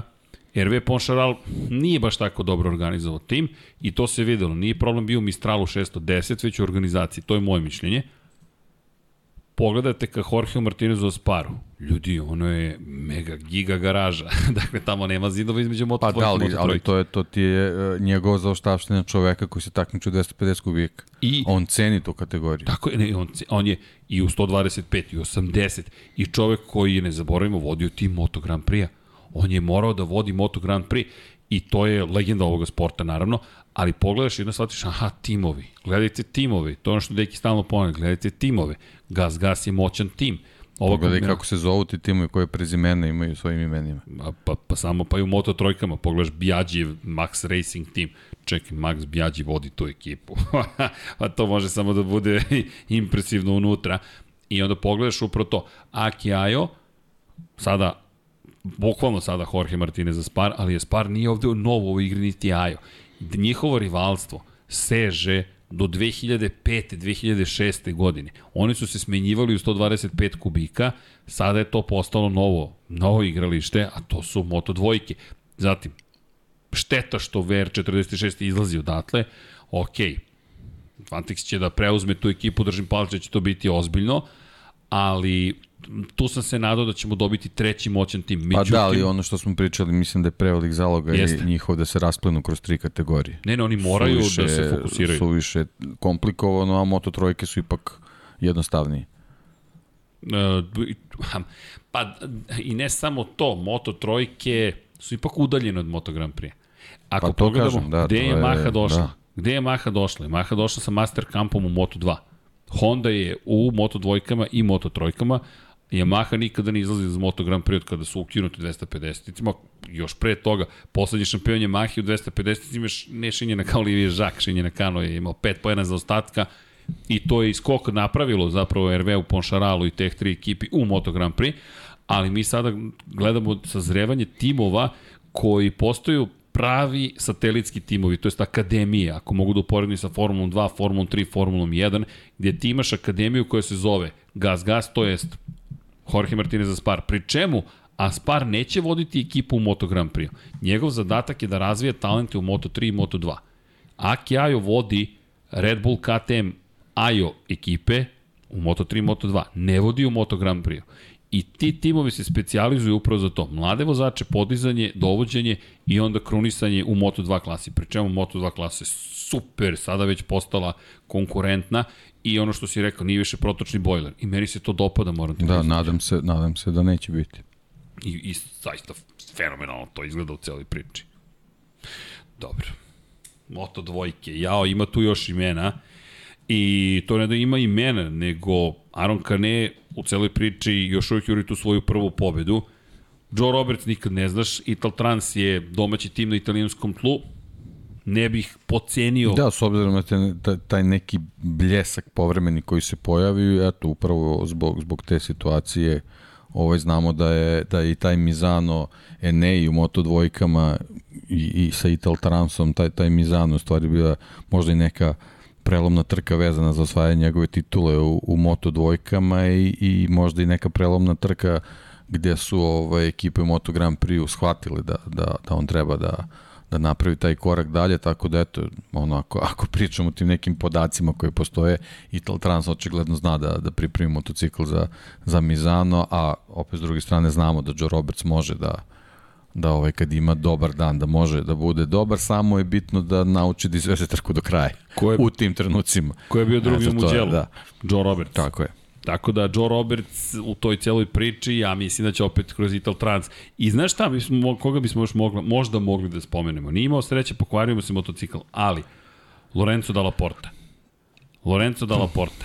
Zaista mislim da bi to mogao da bude jedan, ne čak ni, ni, ni čak više ni iznenađenje. Na Red Bull ringu smo već videli da je brzinu pronašao ali možda mi samo navijamo za čoveka koji nam je potpisao kacigu i budite sigurni, apsolutno da navijamo. Kada vam neko potpiše kacigu uz osmi, kaže za koga je? Za Lep Senti Za Lep Senti, evo ga, gas, opa, š, potpis. Naravno, Miodrag Kotor nikakve veze nije imao sa tim.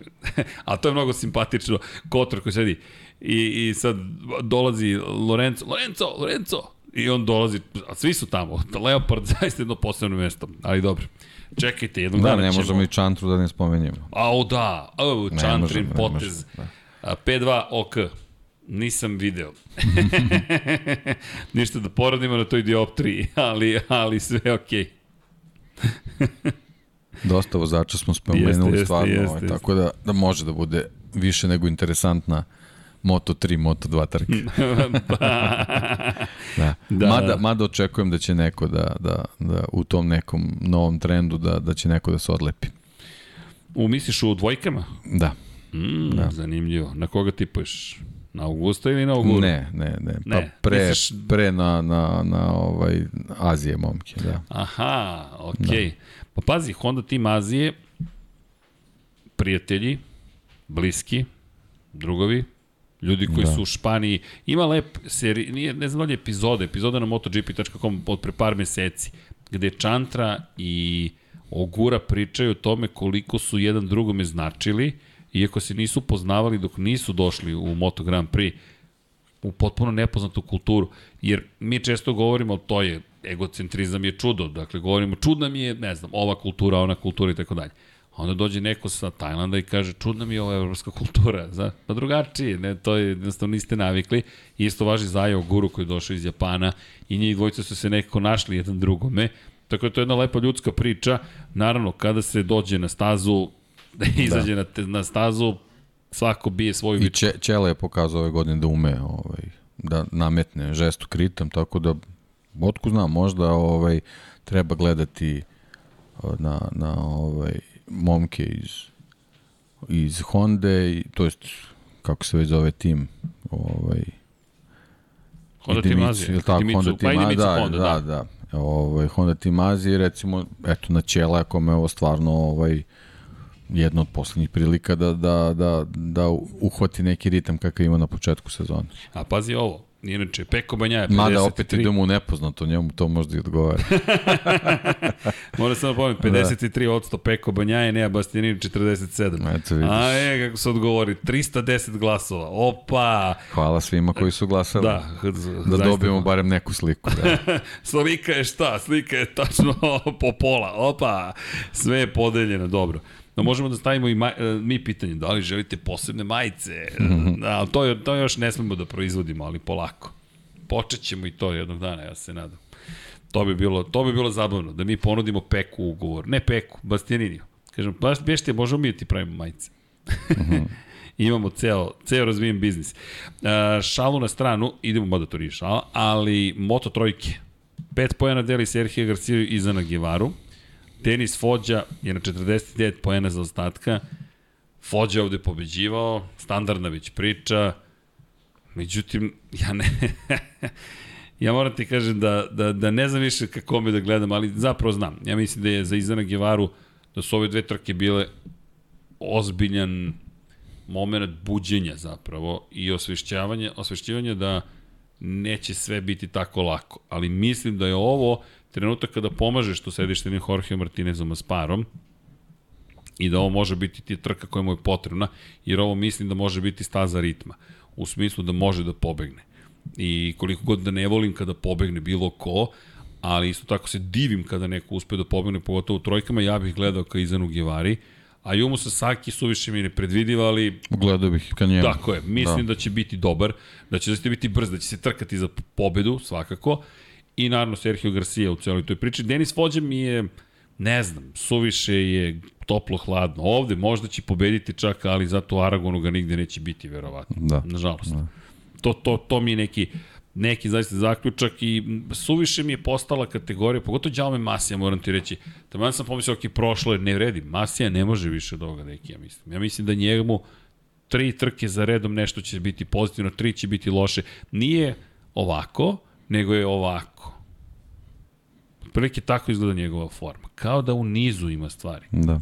Ne znam. Šteta, zaista šteta. I navijam, morate pridati da Denis Ondžu u narednim trkama dođe da to je svoje da, prve on se neće odlepiti, on će samo pratiti.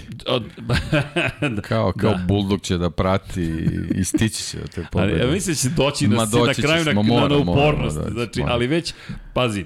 Ali ja, koja će to eksplozija emocija da bude to? Zamisli. Pa, ali, ali pogledaj njega ove godine, on je jedini završio sve trke među osvajačima poena. Potpuno neverovatno zvuči za jednog od najagresivnijih vozača, najbukvalno spremnijih za duel, četvrti, treći i četvrti u poslednje dve trke. Teško da možemo da kažemo da je to loša forma, ali nedostaje ta, ta pobeda, mislim da, da nedostaje. Ali da, i ovaj, kad, kad već spomenjam takve, takve vozače koji dolaze, David Munoz, U, da. Ne smemo da, da ovaj... To ne, njega ne smemo, ne smemo da, da zaboravimo. Da, da, da. Da, da, Munjoz ovde biće opao. Da. Bić, ba, Moreira može da bude brz do neke faze gde će opet možda da malo popusti, ali ali znaće sigurno da, da, da se umeša ovaj, tu, ali, ali ovaj, ipak treba gledati ka Garcia i Gevari.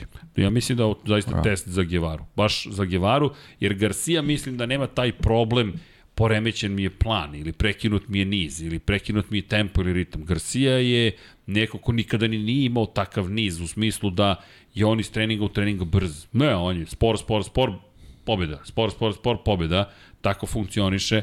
A Guevara je potreban. Guevara me malo podsjeća iz te perspektive na na, ne mogu da kažem baš na Jorge Lorenzo. Jorge Lorenzo je bio i precizniji i agresivniji, ali me podsjeća možda na Andreu Dovicioza. Moram da spremim trku. Znaš, ne mogu da samo uđem u neke duele, nego moram da spremim trku. I kada je spremim, mogu i da pobedim u duelima, ali ako je ne spremim kako treba, kao da nedostaje taj poslednji, poslednji nivo samopouzdanja koji ti je neophodan.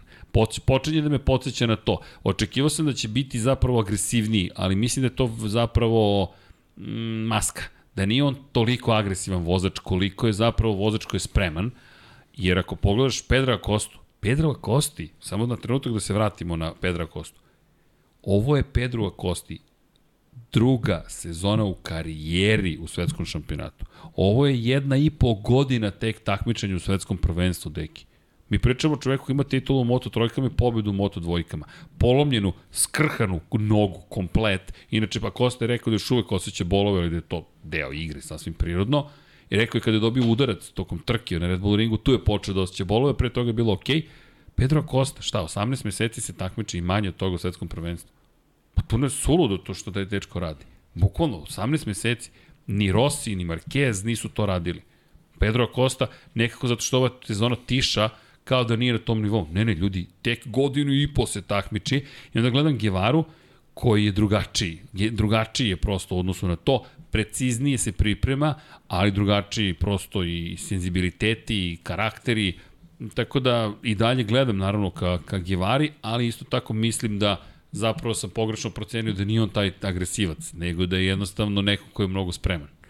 Ali to će biti zanimljiv taj test. Biće, biće A šta misliš recimo Minjo? Kako može da bude u Mizanu? Pa ne znam, deki. U, uvek pričamo trebalo bi, ali Andreja... Ta italijanska motivacija da li može da, da se probudi? Pa više gledam ka Fođi kad je reč o Italiji, moram ti priznati. Znaš ko će možda, ako pričamo o italijanima, da, da bude tu, među vodećih 10-7 otprilike. Ricardo Rossi, verujem, za Sić 58 ekipu. Rossi se pojavi tu i tamo. I da, da. on mi je nekako, njega, na primjer, gledam u poslednje vreme i Stefana Nepu gledam. Nepa mi je stalno neko ko mislim da može da, da iznenadi prijetno. Jer Nepa, iako nije u borbi za titulu, Stefano Nepa u prethodne tri trke jednom bio sedmi, jednom bio peti, gledaš ga u kud jedan obično završi, ali se probije napred, potpisao je ugovor, jedno od onih lica, znaš, nekako uvek tu. A Minjo, znaš kako, Minjo, meni deluje kao da se pomirio sa svojim sudbinom. Dobro, ja idem na Minjo. A, okay. Andreja Minjo! top, top, top, top. Ubedio si me. da, da, da, ej, ja, ok, pratit ćemo Minja. Kada Deki kaže, onda slušamo. dobro, dobro, to je stomak, to, to je prosto ono što treba slušati. Andreja Minjo. Ok, Deki, pratimo ovo. I naravno, imamo još jednu kategoriju koja zapravo igra, najve, igra za najveći uloga, to je Moto E klasa. Pa dobro, sve je jednostavno. Pa jeste. U, u svim računicama sve je jednostavno. Dominik Egerter, pa. Eri Granado, ajde. Pa ne, Eri Granado mora pobediti. Po, po, mora obe da pobedi to je to. i to je e, to, sad, tako je. I da gleda ovaj, i da gde je Agerter, ali Agerter je pokazao kroz čitavu sezonu. On stvarno majstorski ume da kontroliše razvoj svake trke, ovaj, tako da... 17,5 poena ih deli. Da. To je... Da, to je ovaj, za zaplet sasvim dovoljno. E, lepo rečeno, za zaplet da. sasvim dovoljno, pa, da. tačno tako. Da. Ali kažem, Eri Granado zna šta mu je činiti i to je to. Tu se završava svaka ovaj, kalkulacija. Da, on mora da pobedi. Brazilac, ti ga često apostrofiraš, ističeš ga, jeste verovatno da. najbolji vozač Naj, klase. Najbrži vozač najbrži vozač, klase, da. Najbrži vozač motove klase, definitivno. I to je pokazao sad u da. Austriji. Njegova preticanja u Austriji, pogotovo gore treća krivina, su unutrašnje strane, kako je izveo cutback praktično, pustio ih ranije, kočio, svi se zaleteli da kasno koče, op, samo je ušao, su, ali kakav prelep manevar. Ti gledaš čoveka, on je gospodski manevar, elegant, hoćete ovako, Samo vidite. Međutim, zašto mislim da treba paziti na ovu trku? Pa, zato što ovde svašta može da se desi. Prošle godine Erik Granado, pobeda drugo mesto, stiže pred kraj sezone, u njegovim rukama je sudbina, pada. Bez poena i peti u drugoj trci. Tako da, Mateo Ferrari naravno pobedio, jer Mateo Ferrari pobeđuje, Mateo Ferrari pobeđuje samo na jednoj stazi. Dakle, čovjek koji je osvojio prvu titulu u istoriji ove klase, pobeđuje isključivo u Mizanu. Dakle, je... Dovoljno da napravi problem Agerter i Granada. Da. A pao je na Red da, Bull ringu da. i ove godine prosto ne liči na svetskog šampiona. I je pogledaš Matea Ferrarija, gde pobeđuje to jest ne samo u Mizanu, samo u Italiji pobeđuje, da budem precizniji. U Muđelu su se vozilo prvi put ove godine, bio je drugi i prvi. tako da Mateo Ferrari sigurno pobeđuje u jednoj trci. Samo ne znam kojoj. Tako da tu pomaže Dominiku Egerteru, ali ko zna, eto, možda Erik... Ma može da mu odmogne. Može i da mu odmogne, bude drugi, ovaj bude treći. Ne samo to, nego manevar jedan i... E, Bilo je deki, skupljanje. Ajmo, ajmo, da- ajmo matematiku. Bilo je čišćenja sa asfalta. Bilo je. 17,5 poena ih dijeli. 194 za Dominika, za, za, za Erika 176,5. A Erik kada pojede bananu, postaje banana man. Tako da, za oni koji nisu gledali banana man, si gledao banana man, Vanja? Odmahuje glavom šokirano. Da ti se nisi ni rodio kad su prestali da emituju banana mena, verovatno. Pogledaj crtić. Vrlo je poučan. Elem, kada pričamo Eriku Granadu, dakle, pobedi dva puta. Deki, to je 50 poena. Dominik Egerter bude dva puta treći. To je 32 poena. To je 18 bodova razlike. Za pola poena postaneš šampion. Tako je. Ako možeš da uključiš, ubaciš u celu priču Matea Ferrarija i da mu kažeš može mala pomoć prijatelja, ko zna, možda su neke druge stvari takođe moguće. E sad, naravno, nije to baš tako jednostavno, ali čisto da, da, se, po, da se malo igramo Da zakuvamo. da zakuvam, pa vidi, to nam, to nam je jedan od poslova, jel te pričamo priče. Ali, za koga vodi, za koga vozi, oprostite, u celoj priči Dominik Egert. Dinavolt Intact Grand Prix Moto E ekipa, jel tako? Koju podršku može da očekuje? Pa ne može da očekuje podršku. Tako da, da imamo Dominika Egertera. Erik Granado, Luči Čekinelo Racing E-Team i Miguel Pons dele tu garažu. Da li može Pons da malo Pa se pokazao je uključi? ove sezone da može da se uključi. Može. Tako da, da. ko zna. Ali eto, možda će biti zabavnije nego Start što će smo biti mislili. bit. Startne pozicije i sam start. Da, da, prva trka, ukoliko se otvore karte Granada, a u nedelju nas čeka onda prava bitka za titulu šampiona, a prošle godine je rešena problematika, Samo da, da, da Egerter ne simulira ništa. To je, to je bitno. Ovo su ljuti, svi smo ljuti na nje. Ali toliko je šarmanta da čak i kad ne, ljut ma ne, kažeš ne. Erik, ne Erik, nego Dominiče, zašto? Ali dobro. Nekako, sad naravno može da se pravi, ali nije on u tom trenutku nikog ugrozio. Mislim, Ne. Jeste, sad mogla da se, istrčavali su na stazu, nisu morali doktori i tako Vidi. dalje, ali... Ja mislim da će ga, da će ga svi prozivati do kraja Pa pa, da, karijere, ne. života, da. Da. bukvalno da će tamo još 60 Da, Dominik Ronaldo agent. Dominik Da, da. Ro... Čekaj, je li Dominik Ronaldo ili je... Pa ko bi tu možda Koje mogao? god ime staviš odgovara iz, iz futbolskog sveta. Dobro. Da. Da. Čekaj, koji Brazilac je sada čuven po tome? Ima neki Brazilac koji je čuven sad po tome? Po simuliranju? Da. Pa Neymar. Ne, eto. Dominik Neymar Egerter. Će onda se vrti u kroz šljunak se vrti. dobro, Neymar postao Ne. filmska zvezda, ali dobro. Uh, e da, da spomenemo kada su trke, zapravo Pa raspored dajmo da časova. najavimo ili, ili ima neki grafik ili imamo Tako je. nešto, neki video, nešto. Nemamo. Nisam siguran da Nema, imamo. ma Ne. nema veze vozi Kako? trku. onda. Ima Brembo, eto, kaže Vanja, nema. kaže kako nema, imamo Jao, Brembo. Srđane. Jao, jao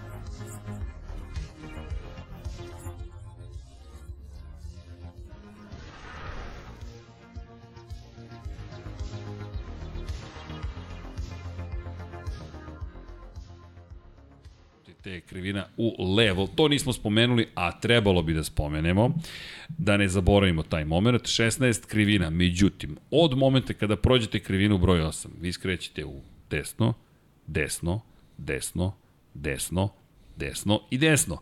Tek kada stignete do krivine broj 15, dek je zaspao ovog desno, vi ulazite... Ovčice. Ovčice.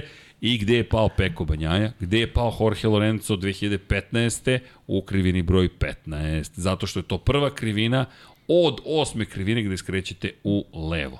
Ohladi se leva strana pneumatika i moram priznati da sa Michelinom nikad ne znate, čak i kada pripremi asimetrične prednje gume, dakle čak i prednja guma kada je mekša sa leve strane, nije izvesno da ćete proći baš kroz krivinu broj 15 i vrlo je zahtevna, pri čemu 16. krivina poslednja takođe vrlo zatvorena, teška krivina i onda naravno počinjete novi krug, pa idete desno, levo, desno, desno, desno, levo i tako. Malo je krivina zapravo u levo na ovoj prelepoj stazi.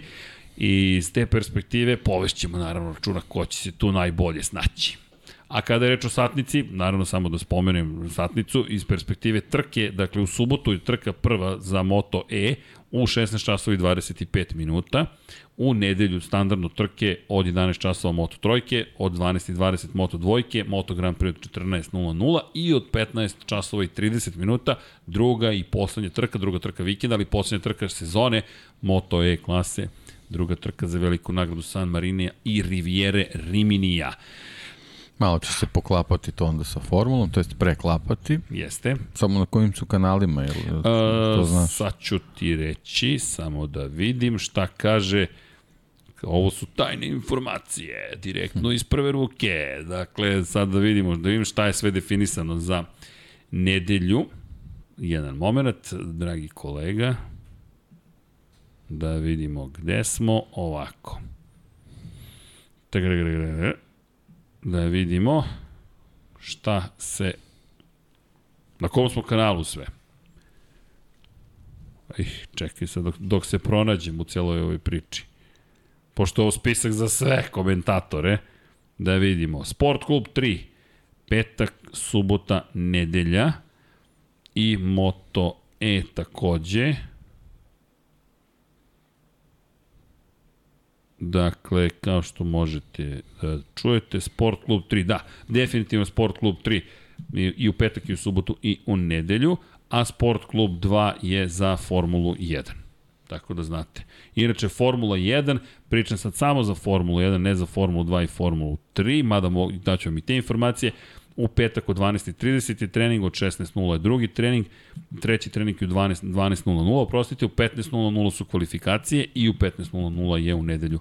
Trka što se tiče Formule 2, to je Formule 3, Formule 3 u kvalifikaciju 13.55 u petak, 14.55 za Formulu 2, prva trka Formule 3 u 10.20 u subotu, posle toga idu 325 kvalifikacije za Porsche Supercup, Formula 2, prva trka 16.55, druga trka za Formulu 3 8.40, druga trka za Formulu 2 10.15, Porsche Supercup u 12.00 i kao što sam rekao, imate Formulu 1 od 15.00, a ja ću malo na jednu stranu, malo na drugu stranu, kombinovat ćemo se, pa ćemo sve to da. Još Paja mora da radi vaterpolo ovoga vikenda, tako da biće žurka na sport klubu i pozivamo se da nam se pridružite, jer biće zabave na sve strane. Ali dobro, to je jedan od onih vikenda, prosto kada se sve dešava, 83 godine trke Formula 1, Jimmy se ženi, imamo lansiranje Artemide, sve je u redu. Ništa nije u redu poručevanja. e, dobro. E, da. Da vidimo pitanja. Da vidim, ima tu... Ne, ne pitanje. Kako? Da ja vozim malo. Je li to za kaznu, Vanja? Ajde, Vanja, ako ti kažeš da moram da vozim. Vanja se ovde sveti za ovu Artemidu. Čekaj da vidimo. Jao, ljudi, jeste spremni da opet vozim? Jao, ne, čekaj, sad ću ti poslati nešto. Sad ću ti poslati nešto na prevaru. Samo mi daj sekund. Ako uspemo u svemu ovome, da vidim gde je ovo što mi treba. Samo mi sekund, daj Vanja, sad ću ti poslati jedan link, taman dok se upali igrica, dok se sve pokrene, dok mi krenemo, deki baci pogled ako ima nekih pitanja, moram da vidim Patreon i da li imamo pitanja sa Patreona, ukoliko neko želi da nas podrži na dodatan način, patreon.com kroz Infinity Lighthouse, a kada pričamo o lajkovima, pa ja se nadam da ste udarili like, da ste udarili subscribe i sve ostalo. Da vidimo gde je... Ha, Matija mi je negde slao bio, ali ne mogu sada da nađem gde mi je poslao.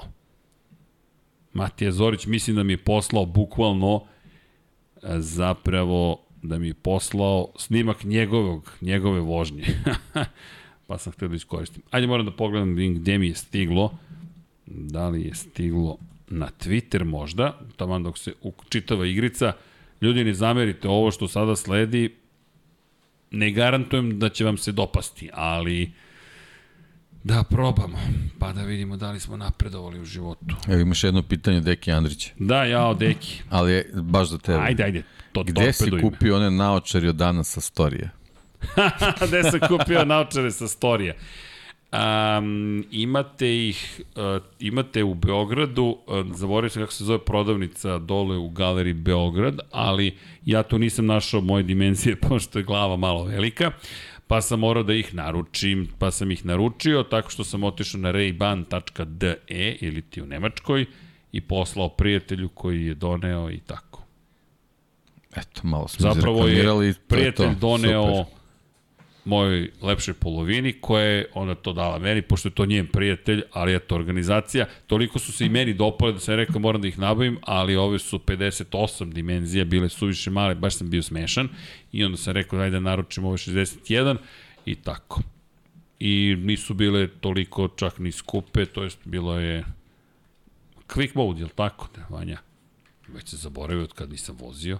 Dakle, uh, Select Rider, Ok. Onaj ko je pobedio u glasanju, njega vozim, li tako, deki? Sad odjednom kada počne da se smanjuje broj ljudi koji je glasao za Banjaju. Aha, ćeš tako. pa mislim da je red da vozimo sa Franceskom, pošto ipak on juri istoriju. Jel misliš da je to u redu?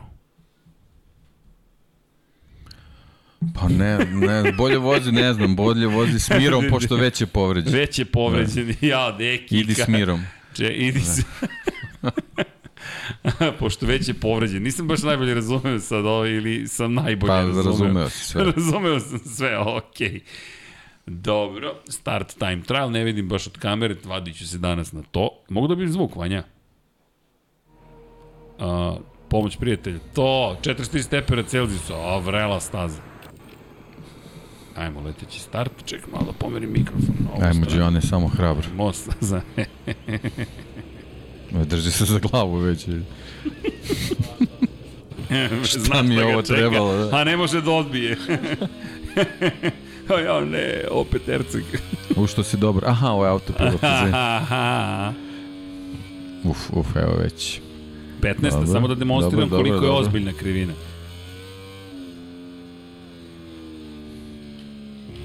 Ti znaš da on ovde... E, to. Uf, uf, uf, dobro. Opa, a ostao sam na točkovima. Aha, iznenadio sam i Vanju i tebe. E sad je ovde njegov savršen okay. deo, a koji to ovoga puta nije. Bar sam upravljao da. kamerom, vidi, pogrešan joystick sam okrenuo. Bar da vam lepše prikažem. Kako? Aj se potpiši, bolje.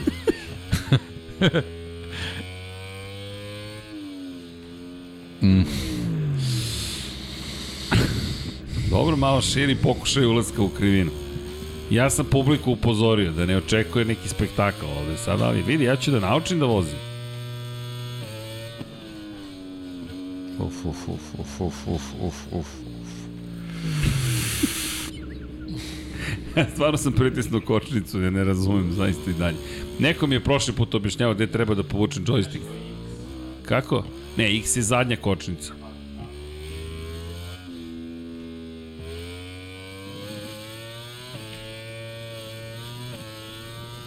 Evo je osma krivina. Ne, ovo je sedma brza u levo. E sad. U, ne, to pogrešno duh. Pogrešan joystick. ovo, je, ovo je tek bilo grozno. Okej. Okay. Hoćeš se potpišem? Ajde. Ne mogu čak ni to. Ne umem.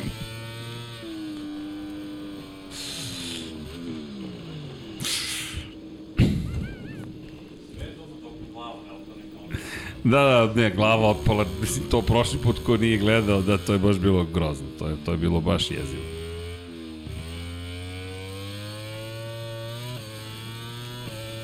E sad da vidimo Kurvone, čuvena 11. krivina.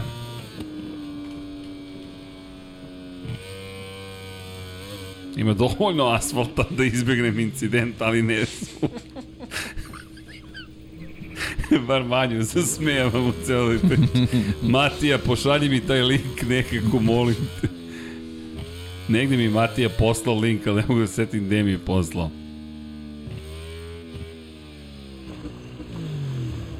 Kako, Kako je moguće pao? da padneš Ne na znam.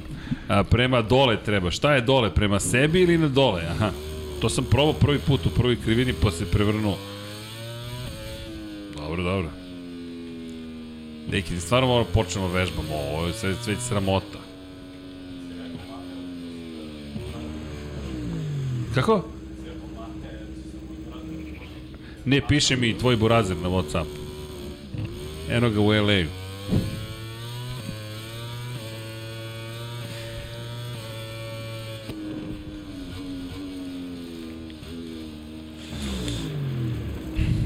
Opet sam povukao pogrešan joystick, ne znam zašto. A potpisao sam se makar malo, deki.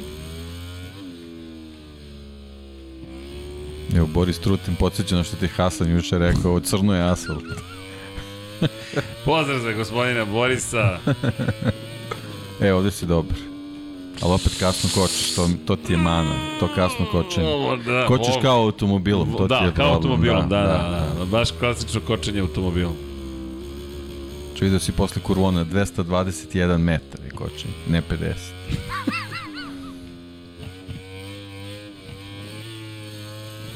Ovo ko sena dodajem gas na turbu. Vam, vam, vam, vam, vam, vam. Stare navike, šta ćeš?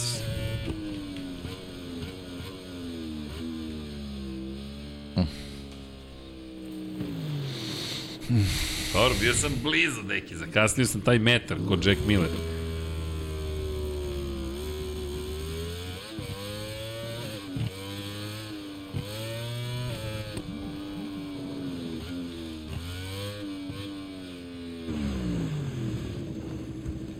Dobro, sad sam znao da ću izgubiti kontrol. Makar znam šta se deša. U, ali sam izgrbao vetrobransko staklo.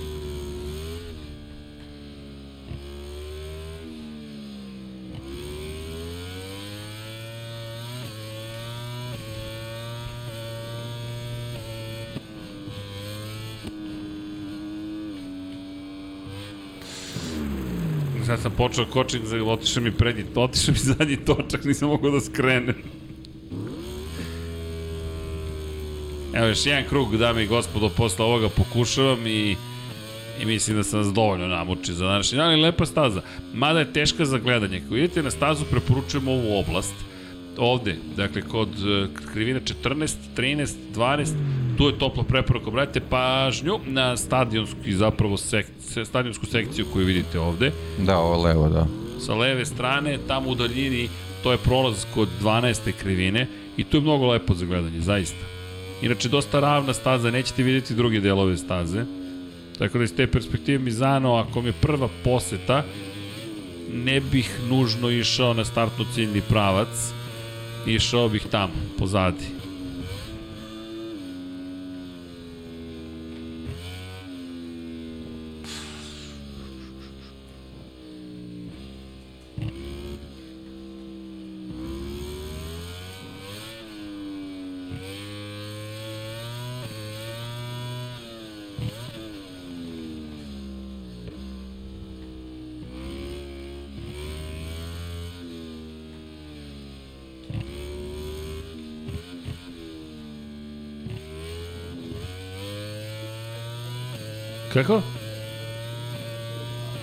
Ne čujem te sada, a pokušam i da se skoncentrišem, ne bi li stigao nekim čudom.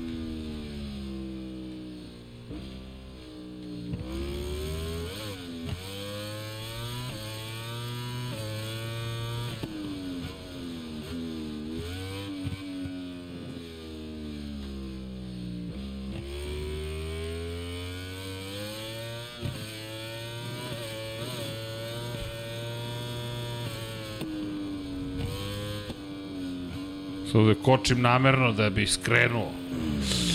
Ne. Agonija. Bio sam tako blizu, deki. Stigao Da. sam čak do 11. Tako krivine. Završim jedan krug bez pada. Ovde je super za kočenje, ovo je mnogo lep deo. Kažem, ovde idite da gledate, zato što ovde možete vidjeti veštinu kočenja i ovde imate mnogo napada na, za pretice. Uuu, toprak. Skoro. Dobro, Jack Miller, Toprak, birajte svog omiljenog junaka koji podiže na prednji točak motocikl, ali bez padova. Dobro. Blizu savršenstva je ovo bilo. A, uf, e Sad, sad, si, sad si me stvarno dezavuisao, ali dobro. Jao, deki, hoćemo da igramo makar menadžera F1.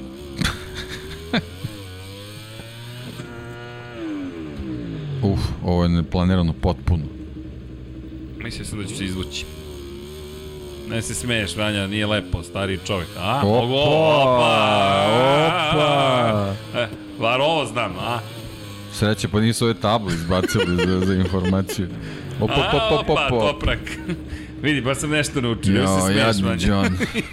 Joan je bezbedan kod kuće, neće ići na motocikl do, do, i u naredne nedelje će se sve ovo očistiti. Kako? Ko? Liverpool dao je go za Ne pobedu. zezaj da smo pobedili. Evo, opa, opa. Au. Ovo je prekretnica. Vraćamo se u vrh. Ne, bio sam ubeđen da je gotovo, nisam ni pratio do kraja. Pratio sam Srđana više nego Liverpool. gle. Pa u stvari trebaš tako da voziš. Ok, mislim da je bilo dosta mučenja Suzuki i Johana Mira. A, e, šta misliš ovde, da mogu se potpišem? Pa to ti kaže, ja sam za driftovanje, zapravo trebalo da driftujem. Ok, Vanja, mislim da si dobio svoje zadovoljenje. Kakav skok na tabeli, čoveč. Au. Vanja, deza, nemoj, da mi, nemoj da pričaš o Liverpoolu dok je Deki tu. Znaš da kad, kad se spomene Liverpool, to je kraj. E, da, evo, Boris, kako? Peta, šesta, 12. i 15. Nem, i krivine nemaju svoj naziv. Nemaju naziv, ne, nemam pojma, Vanja, na pamet. Aha, ne vidim ja mapu zato što imam kameru sa te strane, tako da ja to ne vidim. Ali, da, mo, a, moguće. Ja mislim da je da, ja pustit ću mislim da Mir neće ništa uraditi u Repsol Hondi, bar ne prve sezone. Sad sedi negde u nekom ćošku neke sobe u mraku i drhti. A, da, evo da odgovorim Dobro. Ivanu. Dakle, trke MotoGP-a na Sport klubu 3, a formule i ostalih formula na Sport klubu 2. I možemo da završimo današnju anketu. Peko Banja je pobedio, dobit će veću podršku, 53 naspram 47, 372 glasa. O, sjajno. Srki kod Kotora na edukaciju. Postaćemo ovaj snimak i reći, čika Kotore, ja se prijavljujem za vozača. Pozdrav za mamu i tatu Erceg. Da su tu, mama. Tu su. O, mama, i pozdrav, mama. Mama grde me ovde kritiku. Znaš, kad me, prekče sam ti kad me mama branila na Facebooku. Ah, da. Nemoj mama više. Deki, e, To je to, čekaj, ne, pa nije, a, ba da, sad bi da se izvučeš. A fantazi? Samo da Šta pozovemo fantasy? ljudi, samo da pozovemo ljudi da Pozovi učestvuju u fantaziju. Dakle, ja, pozovi.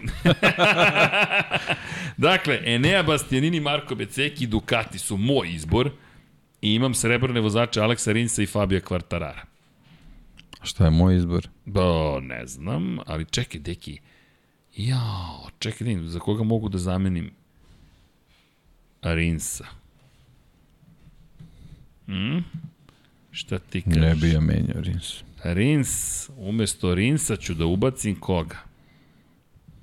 Jao. Misliš da ne menjam? Ne bi ja dirao ništa. Ja, sad ubacim Fabija Diđan Antonija i... A koga ja imam, čoveče? Znaš šta Diđa? A kako, da- žrtvujem Rinsa za Diđu.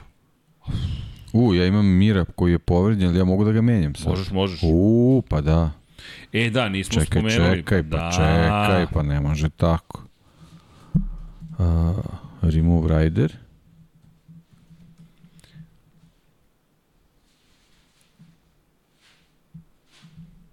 Čekaj, čekaj, kako sad ne mogu? Ma mora bi da možeš, klikneš na minus. I onda će ti ga obrisati gore. I to je to. Inače, nismo spomenuli bitnu informaciju, a to je ko će da menja Joana Mira ovoga vikenda. a to će biti Kazuki Watanabe. Da to ne zaboravimo. To je gospodin koji uskoro slavi 32. rođendan, inače čovek koga smo imali prilike da gledamo nekada, nekada davno u par trka, mi u Moto dvojkama je učestvovao u četiri trke, učestvovao u dve trke, inače u 250 kubika, nije nikad ostvario neke velike rezultate, u Supersportu je vozio za Kawasaki 2017. Inače čovek koji eto, dobio priliku, pa će to biti zanimljivo. Inače čovek koji u Japanu vrlo poznat, osvajao titule i ajde, nekada davno, a kada pričamo o o, o, o generalno što možemo da očekujemo, zaista mislim da će Kazuki Watanabe prosto da uživa u onome što ga čeka i eto to je potvrda koju smo dobili. Neko ko je, rekao bih, nagrađen za sve ono što je uradio sa Suzukijem tokom godina, pa eto, to će biti zanimljivo, da jeste uspešan čovek u endurance-u, to je ono što je, ja mislim, njegov najveći uspeh, neko koji je zaista uradio lepe stvari, pre par meseci, ne, nedelja sada već, nije prošlo meseci, bio i na pobedničkom postolju u Suzuki, tako da za nekoga ko ima bliske odnose sa Suzuki, mislim da je ovo prosto nagrada, ništa drugo i da ćemo imati priliku da vidimo nekoga ko će biti veoma srećan da, da, da nastupi ovde. I rekao Livio Supo da mu žao što neće biti John Mira u Mizanu, da mu naravno žele brzo poravak, ali da eto, im je drago što će Kazuki Watanabe biti deo ekipe i uz iskustvo koje donosi i treća pozicija 8 časova Suzuki je prosto ćemo se malo povremeno baviti njime. Ja zaista ne očekujem neko čudo, ono što je najlepše u celoj priči jeste da ćemo vidjeti nekog novog i to je to. Yes, XRR ga čeka, Livio Supo je rekao da ću činiti sve što u njihovoj moći da se osjeća dobrodošlim i to bih stao, jer prosto je ovo sada neka vrsta nagrade i oprošto je Suzuki zapravo od svetskog šampionata. I lepo je bilo čuti Livije Supa kada je rekao da ono što smo iznali sada kada je rešena sudbina Joana Mira, možemo mirni da pristupimo kraju sezona i tad smo već znali da je ugovor i potpisan. Dobro, imamo neka pitanja. Hoćemo više glasova nego lajkova. E, onest, tako je, gde su lajkovi? Glasa se, a ne klikće se lajk. Molim vas, klikćite lajk, klikćite subscribe, s obzirom na činjenicu da to pomaže našem kanalu, svima nama koji trajim. Stefan Serdar kaže, Srki, moraš da kočiš motorom. Stefane, bih ja vrlo rado, ali smotan sam trenutno, odavno se kontroler nije koristio, a i odraslo se na tastaturi kao i na da kažemo, mišu i tastaturi kasnije. A Spektrum nije imao ništa od toga, pa onda je stigla... Ja znam, Amigu nikad nisam imao, nego smo se igrali kod našeg prijatelja Marka Budrovca. Jo, to je bilo dobro. ok. Udrite like, muziku. drugari. Udrite like, drugari. 384 glasa za vozače, 260 lajkova. Pa dajte, ljudi. Ajmo, ajmo. Like, like, like, like, like, like, like, like, like, like, like, like, like. Uh, Branislav Dević kaže da li je Fabio kreirao javno mnjenje da je mnogo loše Maha radi Alibija, potpisao ugovor na dve godine da je toliko loše, otišao bi Repsol Honda ili Ducati. Evo Branislav ja da dam kontra uh, argument. Samo pogledajte gde su ostali vozači Yamahe. Što u šampionatu, što u trkama. Ja mislim da jedini čovek koji je zapravo svojim delima pokazao da je Yamaha mnogo bolja nego što... Ne, nije mnogo bolja, nego da on čudo iz nje izlači jeste Fabio Quartararo. A voze je svetski vice šampioni. Voze je najbolji na svetu. Mislim da da Fabio Quartararo nije na pamet palo da izmisli tu vrstu alibija. Verujte, mi pričamo o ljudima koji čak, ja mislim da ne bi im palo na pamet da, da, da traže alibi na taj način. Da je hteo alibi, on bi ga imao u kontekstu toga 200 poena za Fabio Quartarara. Prva sledeća Yamaha u šampionatu 26 bodova Franco Morbidelli. Sledeća Yamaha u šampionatu Andrea Dovizioso 11 poena. Sledeća Yamaha u šampionatu Derin Binder 10 poena. Oni zajedno imaju 47 bodova, Fabio Quartararo 200 ne vidim potrebu da kreira javno mnjenje da je Yamaha loša, pogotovo što oni ne govori da je Yamaha loša, on kaže imamo motor koji imamo, motocikl koji imamo, mi govorimo da je loša, ne govori Fabio Quartararo. I stojim pri svojim rečima. Ne mogu da prihvatim da Yamaha može da zaostaje na pravcima toliko koliko može da zaostaje, to smo videli, a da je to prihvatljivo Yamahi. Ne mogu da prihvatim da kada drugi dodaju gas, deluje kao da stoji, mada to više nije toliko slučaj, ali prosto mi, i da ponovimo ono s početka, mi pričamo o nijansama, ali te nijanse su vrlo ozbiljne kada jurite desetinku, hiljaditinku, kada jurite da budete među 10 najboljih, a to, 12 najboljih, a to podrazumeva da budete u 3 desetinke od prvoplasiranog, kogod to bio. Tako da ne, Fabio Quartararo nije to ni kreirao, naprotiv od velike nagrade Amerika, on je i rekao, neću više ni da kukam, imam to što imam, ja ću da vozim najbolje što mogu da vozim. A da li bi otišao u Repsol Hondu, Pa nije to samo pitanje motocikla, to je pitanje celog okruženja u koje odlazite. Vi ne znate šta vas čeka, a ovde znate šta vas čeka i pritom ostvarujete dobre rezultate. Tako da ne, ne, budite sigurni da to, za, pogotovo ne za Fabija, ali, ali kada je čovek prosto toliko dobar, zaslužuje pohvale koje dobija. Jer ovo što Deki kaže, Franco Morbidelli, ljudi, vice šampion. Franco Morbidelli nije 30 poena osvojio ove sezone. Neverovatno, ali istinito. Ljudi, mi pričamo o Franku Morbideliju. Evo, ovo su rezultati Franka Morbidelija ove godine. 11. 7. nije završio. Bez bodova. 13. 15. 15. Bez bodova. 13. 13. Nije završio. 15. nije završio. Zastrašujuće. Bukvalno zastrašujuće. I ono što i kaže Fa, Franco Morbidelli, kaže ne, Yamaha je najbolji motocikl, jer na prvoj poziciji u šampionatu se nalazi vozač Yamaha. Samo ja ne znam kako da je iskoristim. Ne bih rekao da je najbolji, ali definitivno u rukama Fabio Quartarara baš je moćna. E, da li će biti Mar Mir Marquez ono što je Lorenzo bio Rosiju ili ipak nije na tom nivou Master Rima? Pa... Pa polako, mislim da... Da, da... Pola, bukvalno pola. Nisu ni isti tipovi vozača, nije ni ista pozicija iz koje dolaze, iz, iz pozicije dvostrukog uzastopnog šampiona sveta. Generalno za obojicu je novi početak. Da, novi početak, baš tako. Za obojicu. Baš je I tako. za Honda. I za Hondu. I vidjet ćemo. Da, i kad smo već kod toga, to nismo spomenuli, Markezi su raskinuli saradnju sa Da, Alzamorom. Da. Tako da baš novi početak. 12 godina saradnje nije malo. Tako je. Nije malo. Uh, da, inače, evo, Armin Čabanija kaže da ne veruje da su isti motori Mark Frankov i Fabio. Verujte, silno grešite. E, ne, uh, Mođelo Arabijata je to napisao. Armin Šabanija, uh, izvinjam se, pogrešno sam pročitao. Um, uh, Armin Šabanija rekao Martinu fabričkom timu je Mahina na kraju 2023. umesto Morbidelija. E, to je nešto što je moguće. Uh, da li će hteti Martin da ide u Yamahu, zavisi od onoga što se bude desilo, ali odlična konstatacija Arvina. Izvinjam se što sam pomešao šta ste pitali, to je šta ste konstatovali, ali tu mogu da se otvore prilike ja mislim da je Franco Morbidelli svestan da sa njim neće biti produžen ugovor, jer je Maha koliko god da je verna svojim vozačima, apsolutno ništa ne dobije od Franka Morbidellija. Bukvalno ništa. Inače, Mugello Arabijata 12, na pravcu loša Mugello, drugo mesto, Austrija drugo mesto. Pa da li, vratite se kroz istoriju, Valentino Rossi je pobeđivao s Yamahom u Mugello.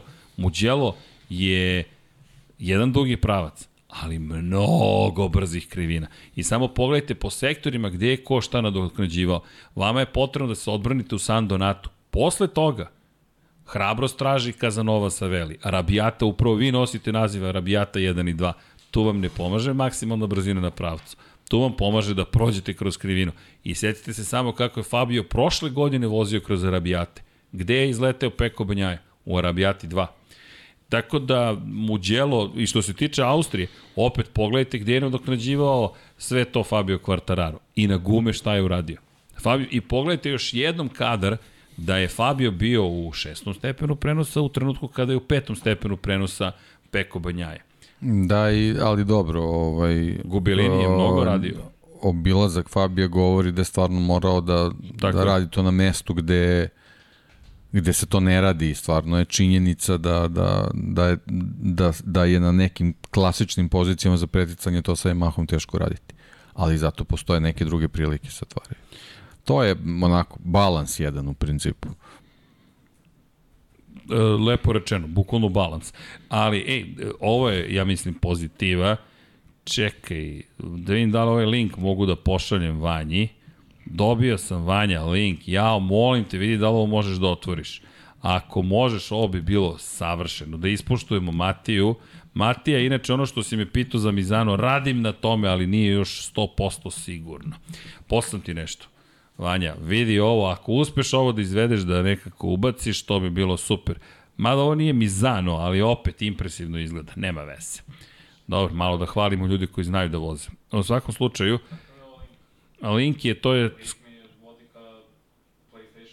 Da, da, ka PlayStation, pa da, ali će ti tu otvoriti video.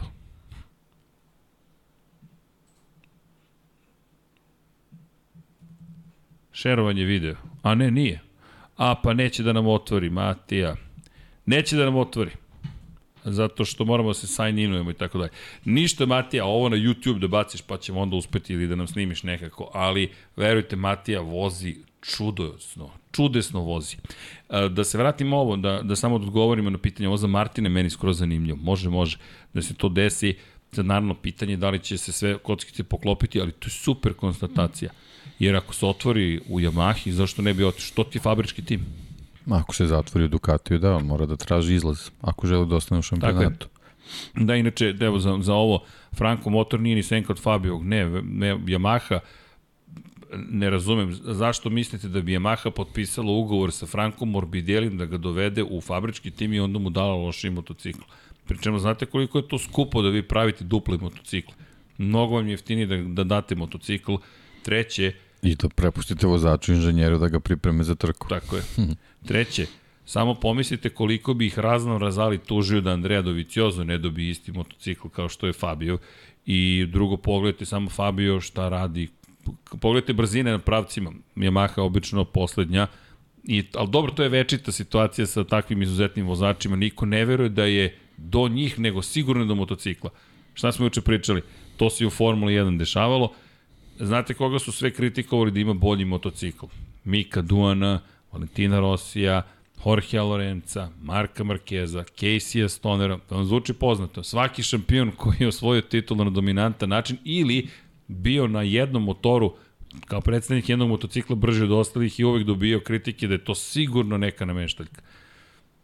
Nije, bez brige. U ovom slučaju nije. Uh, Kvartararo, Pa da, uh, overtaking a nightmare, ne priča Yamaha upravo demantuje. Pa, pa da, ali on nije rekao da je Yamaha loš motocikl. Inače, overtaking is a nightmare vam je izjava Ducatijevih vozača takođe. Mislim da bukvalno iz konteksta izvlačite rečenice da biste dokazali svoju teoriju i ne možete da prihvatite da teorija možda nije tačna. Ljudi, nema potrebe za time. Šta, Fabio Quartararo je rekao da je preticanje noćna mora, što je izjavio Jack Miller na Ducatiju, koji nije mogao Suzuki da pretekne u Portugal, ali to je dokaz da on zapravo kritikuje Yamahu. On čovjek je čak rekao neću ni da pričam o tome. Pa Mark Marquez je rekao neću ni da pričam o motoru, hoću da pričam o projektu.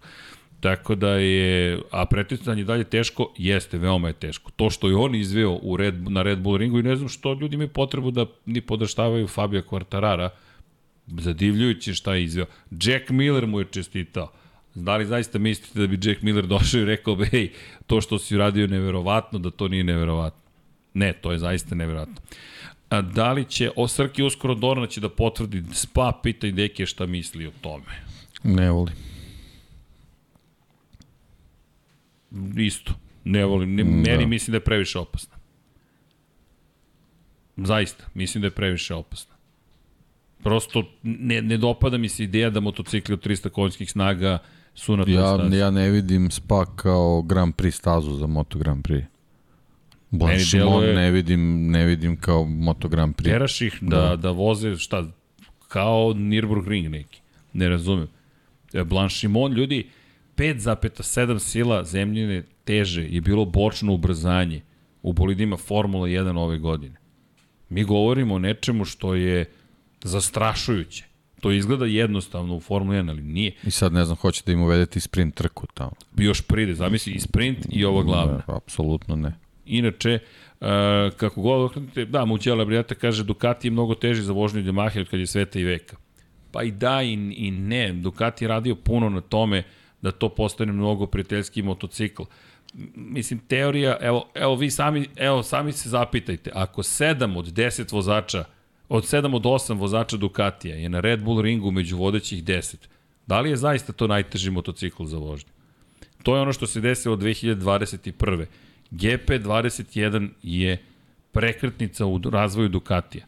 GP20 je bio nemoguć za vožnju. Pitajte samo Eneo Bastianini koji je rekao, sada kada sam dobio 20 jedinicu, sve je lakše.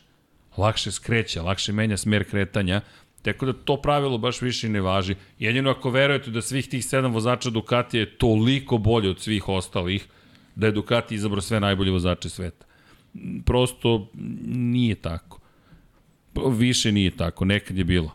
Filip Savičević pita da li ćete raditi specijale za timove? Da, hoćemo kao istorija Honda, istorija Mahi, itd. u svetskom šampionatu. Da, hoćemo Astrima. A Filip Savičić kaže top 3 vozača trenutno ikada. Pa trenutno, to su. Vi bukvalno, ja mislim da su ta vodeća trojica u šampionatu trenutno na pozicijama 1, 2 i 3. Najkompletniji su mi Aleš Espargaro, Fabio Quartararo i Francesco Banjaje. Peko, Enea Bastianini mi nije samo zato što previše pada, ali i on bi mogao tu da dođe. Sad je pitanje šta su top 3 vozača. Meni se dopada konstantnost Aleša Espargara, ali polako ispada iz bitke za titulu šampiona sveta i mislim da se dvojice izdvajaju, Peko Banja i Fabio Quartararo. To je samo moje mišljenje, ne znam, deki, kako ti vidiš? Pa dobro, u, u, u nekoj konstelaciji stvari, ako se ako ne računamo Marka Markeza, pošto je da, rekonvalescent i tako dalje, tako dalje, ja sam, ja sam i dalje stojim prema onome što sam i ranije rekao i možda i tim redosledom. Fabio Quartararo, Peko Banja i Joan Mir. E, izvini, zakače mi se kabel za nogu. Šta si rekao tačno, izvini? Fabio Quartararo, Peko Banja i Joan Mir. Joan Mir, a, Joan Mir, da, da, deki ti, da, ne odustaješ od Mira. Dobro, ima smisla to što kažeš. Baš ima smisla. Dobro, ali ovo će biti baš lepo si rekao. Možda renesansa, novi početak. Vidjet ćemo, da.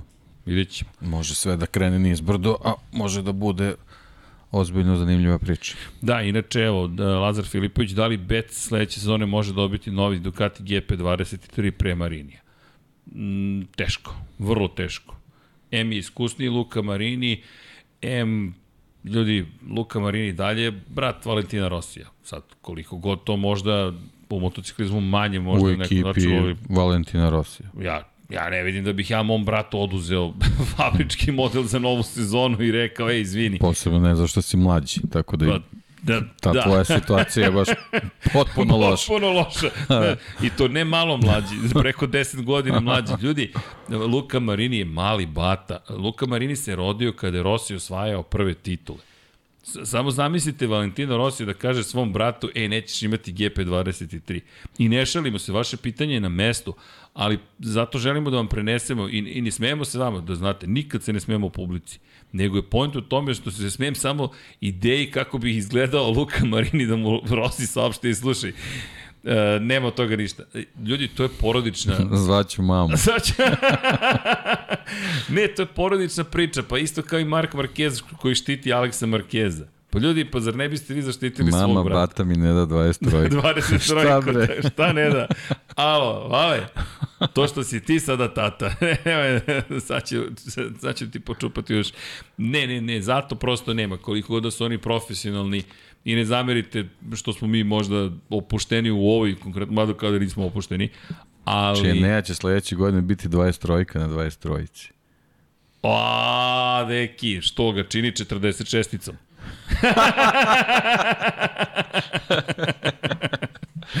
Vanja, pušti muziku. Vanja! Zaletio sam se u pit, puštaj muziku. Ne, da, da znate. I ko pobedi danas u futbolu, uh, u, ko danas, uh, čekaj, ko, da, ko je danas pobedio, ko pobedio danas u futbolu u MotoGP-u? A, igrali su futbol, da, ne znam. Kako, kako? Ne, ne znam ko je pobedio. Nisam ispratio. nisam, nisam ispravio. A, da, inače, Muđela Arbijate kaže sve je to redu Srke, ali po titulama se gleda Ducati ima samo, ne nema, vi ste, vi ste 100% u pravu i, i da, da je Ducati bio najteži za vožnju, nego hoću da vam kažem da se to sada promenilo. Zato, a, a pričamo o kvartararu u ovoj sezoni. Da li ste u pravu? Ljudi, ko je mogao da upravlja Ducati? Imali ste jednog čoveka, Casey Stonera, i onda su tamo 2016. počeli tek da Doviciozo, jer on je zabeležio pobedu Doviciozo, ali lepo ste rekli, zašto treba spomenuti Andreja Dovicioza češće? To je čovek koji je 14 puta pobedio na Ducatiju. 14 puta na Ducatiju. I to koliko puta u poslednjoj krivini poslednjeg kruga protiv Marka Markeza. Andrea Doviciozo možda ni, čekaj, povećava se broj glasova, a ne povećava se broj lajkova. Pa glas like, glas like, glas like, glas like. Ne, 413 glasova, 267 lajkova. Ajmo malo ljudi, malo da doguramo to do 300. Ali ne, u pravosti iz te perspektive, samo ove sezone to više ne važi. I zaista, e, a ne zamerite ako zvučim grubo, ali teško mi je da, da, da prihvatim ideju uopšte da mislite da će vozač moto... Ljudi, oni stavljaju glavu u torbu na treningu svakom. Oni su ne heroji, super heroji. Fabio Quartararo radi čudesne stvari. Ne znam zašto je to teško prihvatiti. I ne vidim alibi Kak, šta će njemu alibi kad on pobeđuje? On treba da se hvali svima, vidi kakav sam ja car kad ja na, na ovakvoj Yamahi uspeo da ostvarim ove rezultate. Pri čemu on to ne mora ni da kaže. Upravo ste i sami čuli, sledeća Yamaha ima 26 poena, Franco Morbidelli. Ljudi, Franco Morbidelli. I šta sad, Yamaha ima veliku zaveru da uništi karijeru Franka Morbidelija da bi pokazala da je Fabio Quartararo veliki car. Pri čemu će to koštati titulu u šampionatu konstruktora. Molim vas, to, to, verujte, to je, to je već teorija zavere, nema potrebe za time. Otiđite na trku, otiđite na trku i pogledajte ih u prvoj krivini, bilo kojoj krivini. Ti ljudi, to je, to je, to je van vremenski, to je čudesno. Sam Franco Morbidelli rekao, ljudi, problem nije u motociklu, ja ne znam, ne znam kako ovako da vozim. Ne znam da ga vozim.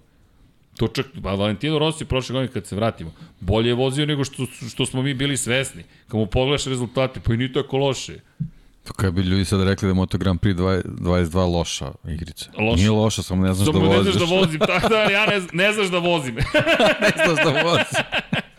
ali ne, ne, verujte i ne zamerite, ali kad neko tira vozače, ja to shvatam lično nekako, o sve možete da, da pretpostavite, ali da će neko od njih sada da izmišlja, a Libi taj će brzo da izleti iz cele priče. Nema više ovde Libija, sve je ogoljeno, vidi se na samoj stazi. Bukvalno se vidi na stazi. Tako da uživajte, to je, pozivam da se trkate, uživate, to vam kažem ja. Dovi nazad u Ducati, e Armine, E, Armine, bilo bi lepo, ali Dovi, Dovi je otišao nekim svojim putem i to vam opet govori o Ducatiju. Imali su Lorenza, imali su Dovicioza, nisu zna... Meni je dovođenje Petruće najveći promašaj koji su ikad napravili, zato što mislim da Petrući baš se nije uklapao u tu celu priču i nikad mi nije delovao kao neko. On je rekao da će biti bolji od Lorenza u Ducatiju. To su Petrućijeve reči. Ne bih ni komentarisao. Samo mi je žao što nisu uspeli svi zajedno nekako da izvuku. Ali Petrući je rekao da će biti bolji od Lorenza. Ljudi, i to pocenjivanje Jorge Lorenza, pet titula šampiona sveta, tri u Moto Grand Prix. Danilo Petrući, ja, ja zaista mislim da je to sramotno bilo što izjavi, to i stojim pri mojim rečima i tad sam rekao kako može to da izjavi čovjek. Ono, ishitreno. Ishitreno, lepo rečeno. Nekako možeš to da kažeš. Ali dobro, idemo dalje. Koga vidimo na kraju, ša, ove, Zorić Matija kaže, koga vidite kao šampione kraju sezone? Au, koga vidim kao šampione? Mm. Deki, koga vidimo Ma kao neću, šampione? neću da Neću neću da o tome, zašto će odmah biti da, da favorizujemo neko. Ne, ne, ne, ja, ja, ja nemam, nemam favorita, ali i dalje mislim da će Givara da osvoji u Moto trojkama, Ogura u Moto dvojkama i Fabio da će odbraniti titul. To mi je samo mišljenje. Samo mišljenje. Inače, Zlatko, evo, kod koleginici iz prodaje, neće nikad Beštija doseći broj 46. Šalimo se, Zlatko, ne mislimo da će iko doći do tog broja 46, ali je simpatično, 23 na GP-u 23. Zar Nije, samo je šarmantno, ništa drugo. Samo to. Srki, boost na Beštiju, je tako? Tako je, crnogradski džedaj, boost na Beštiju, to... U, sad ste vi mene podsjetili. Jao, džedaj, pa pravi ste džedaj. De, jel imam boostove još uvek? Jao, a sad ću da ubacim Fabija Diđan Antonija. Toliko verujem u, u Diđu. Ajmo, Diđac, ti si srebrni letač ovoga puta. I boost, što mi ne da boost? Imam boostove. Šta znači Ne, a, boost prvo da upalim, upalio sam za na Enea u boost. Ljudi, sada letimo, idemo Enea boost i pita me da li si siguran da ćeš da traduješ Fabio Di Gianantonija umesto Alexa Rinsa. Confirmed trade. Fabio Di Gianantonio na pol poziciji u Mizanu. Zamisli to. Gledaju me čudno. Nije nerealno, pa nije. A, nije, a nije Deki, nerealno. moj čovjek, tako je, Deki. Kažem, samo vreme. Samo vreme. Dobro. Ko kiša bude, sve će se prevrnuti. Da, e da, ali šta je pozitivno za Petrućija? Petrućija preklinju da ostane u Moto Americi. I, samo da se razume, obožavam Danila Petrućija. Njegov uspeh na Dakaru ove godine, fantazija. U Americi je on toliko popularan i toliko je osvojio celu publiku da ga mole bukvalno da ostaje.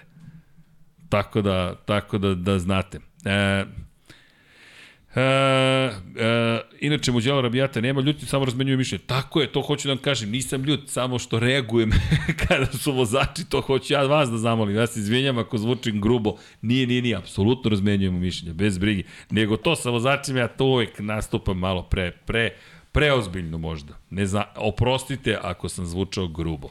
Ali, imamo Fabio šampion, zna se, i Rossi je pocenjivao Stonera za Ducati, tako, tako dalje, tako dalje. Čekajte, ima, šta mislite da problem za Morbidelli, čovjek je bio vice šampion? Ne znamo. E, Ljudi, mi smo sa njim pričali, bukvalno na stazi.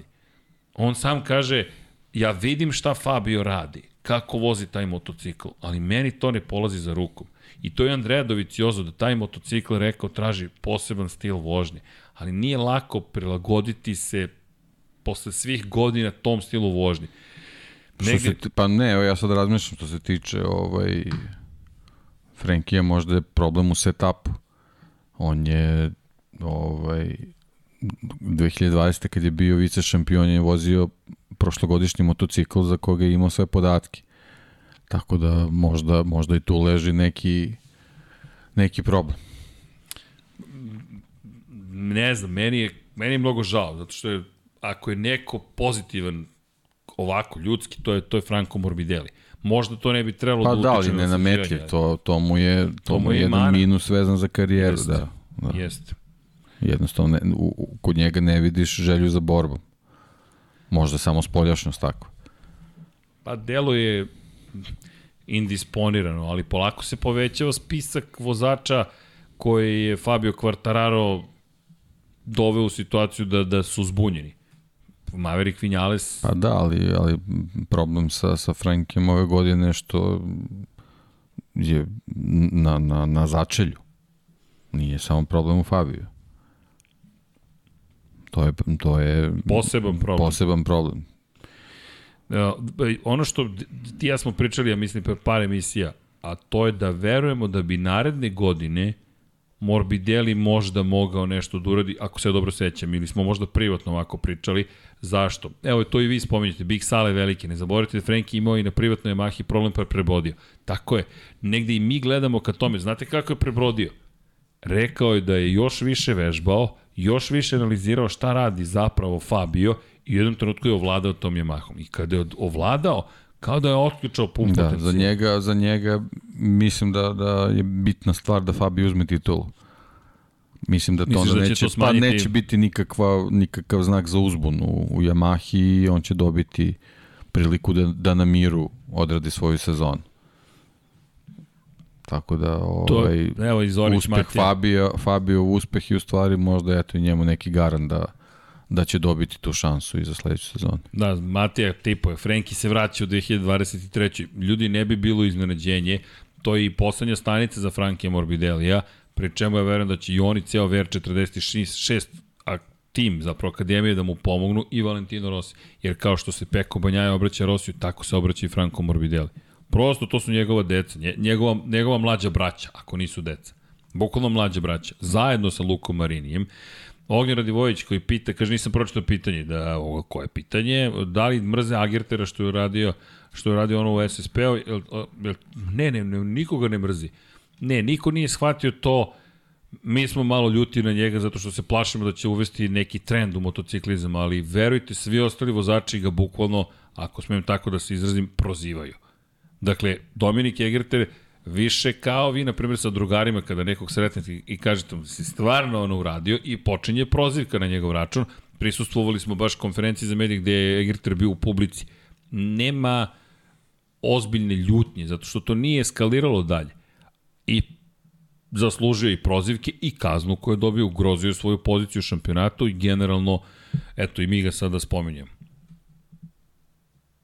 E, kaže, ako je Ducati superiran, kako im se olako sklopi prednji deo, sad ću da povučem like.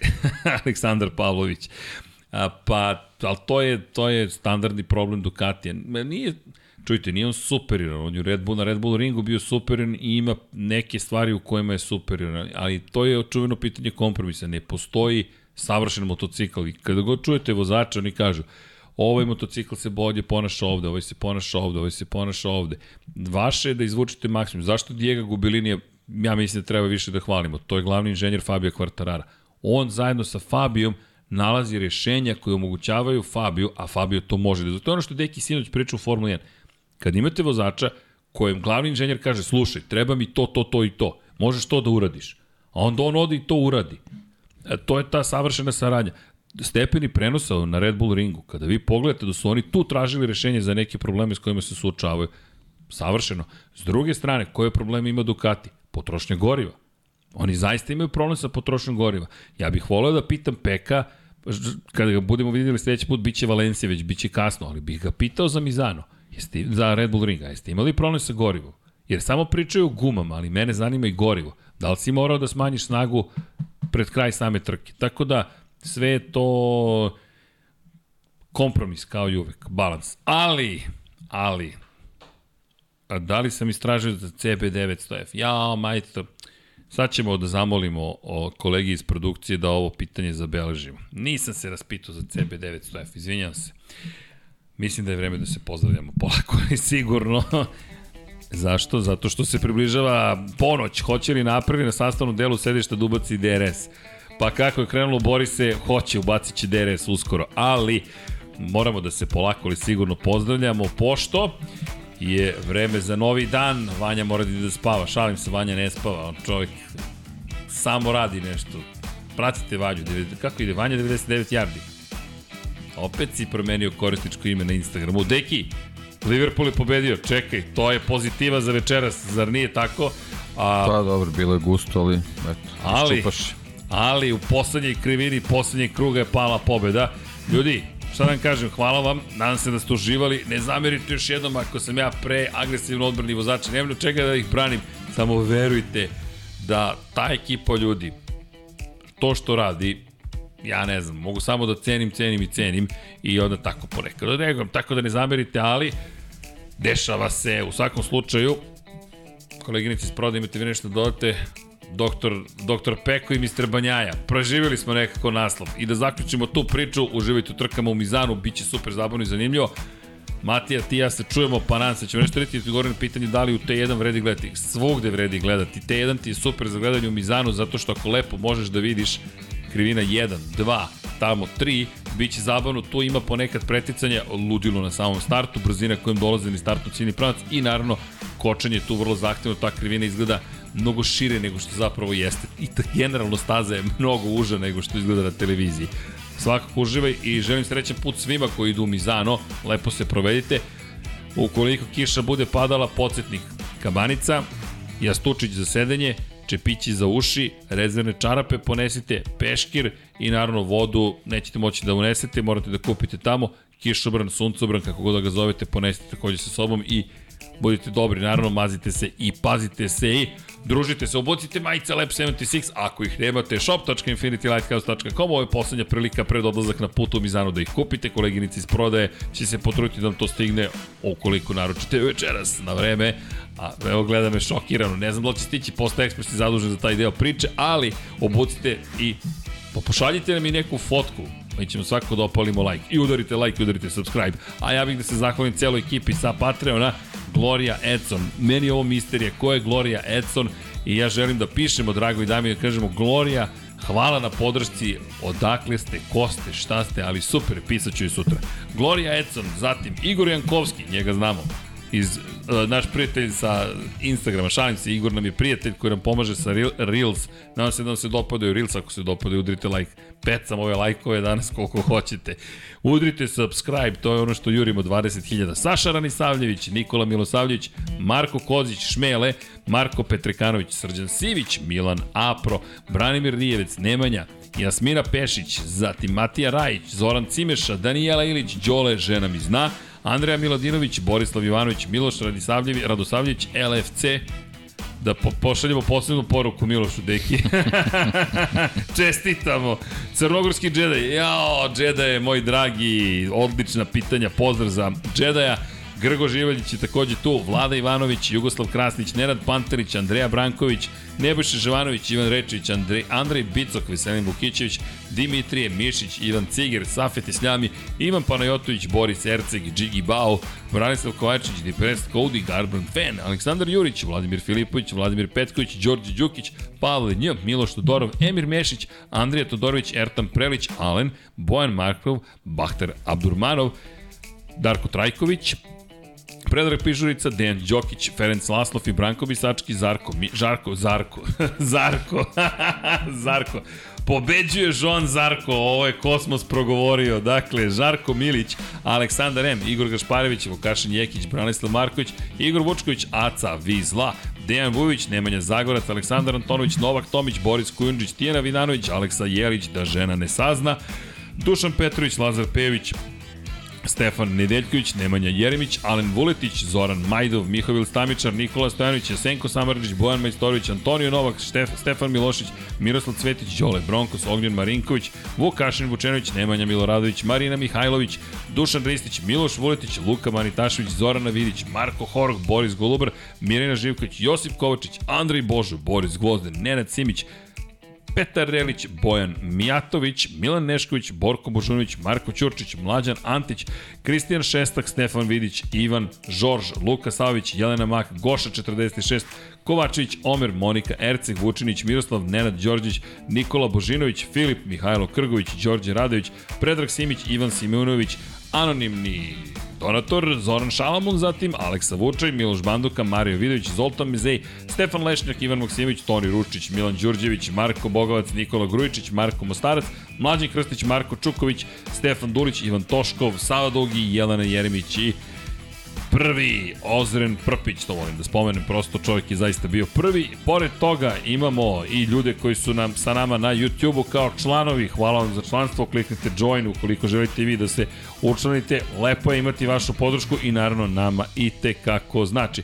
Igor Ilić, Žarko Ivanović, Acke, Marko Bogovac, Voča Pero, Marko Stojković, Dejan Ilijev, Mortal Kombat, Nikor 24, Vladan Đurić, korespondent, korespondent Kosta Berić, Marakos, Zlatko Marić, Milan Knežević, Aleks Vulović, Vuk, Nemanja Cimbaljić, Bojan Pejković, Koja 7, Almir Vuk, Resničanin, Petar Bijelić, Kro, Robi 00, Pavel Lukić, Nikola Božović, Milorad Redić, Andreja David, Nenad Lukić, Saša Stevanović, Toni Soni 76, Nikola Niksi, Branko Rašević, Nemanja Bračko, Nikola Grđan, Miloš Stanimirović, Vukašin Felvo, Bakadu, Bojan Gitarić, Ivan Magdalenić, Ivan Vujasinović, Tatjana Lemajić, Veselin Vukićević, Branislav Dević, Vukašin Učenović, Almedin Ahmetović, Nemanja Labović, Miloš Zed, LFC, Nikola Kojić, Nemanja Miloradović, Zvonimir Papić, Marina Vlada Ivanović, Oliver Nikolić, Andrija Todorović, Jelena Jeremić, Aleksandar Nikolić, Lukas Kok, Nemanja, Bojan Markov i Danilo Petrović. Ljudi, hvala, mega moćno jedno hvala vam šaljemo i veliki pozdravi, kažemo ukoliko ste zadovoljni, udrite naravno like, udrite subscribe, a ekipa će se truditi da bude još bolja, bolja, bolja i bolja, patreon.com kroz Infinity Lighthouse, šalu na stranu stvarno pomaže i omogućava nam da kupujemo prava, da izdajemo, da objavljujemo knjige, da pomeramo stvari u napred, da idemo na sajam knjiga od 23. do 30. Hvala i, da kažem, hvala sponsorima onako motociklistički. E-ponuda, jedan od sponzora, stižu i neki novi sponzori, pričat ćemo vam šta se dešava, lepe stvari svakako, pa smo radosni, optimistični i Liverpool je pobedio, tako da je sve kako treba. Večeras, idemo da zapimo pre ponoći ukoliko je to moguće. I kažem vam zaista hvala, tako da velika podrška s vaše strane, ponekad i dalje začuđujuće koliko ljudi nas podržava, ali hvala šta god da radimo, nadam se da je to vredno vaše podrške. E pa, deki, hoćemo polako, ali sigurno da idemo kući. Ajmo. Ajmo, vreme je da se spremimo, čeka nas još mnogo toga, pa Vanje počeo da mi kljuca, počeće da mi spava, kao juče na deca što su bila tu. To je samo pohvala na tvoju mladost, nemoj da ti smeta, a ja ću vam reći zajedno sa Dejanom Potkonjakom, Ćao, Ćao svima. svima.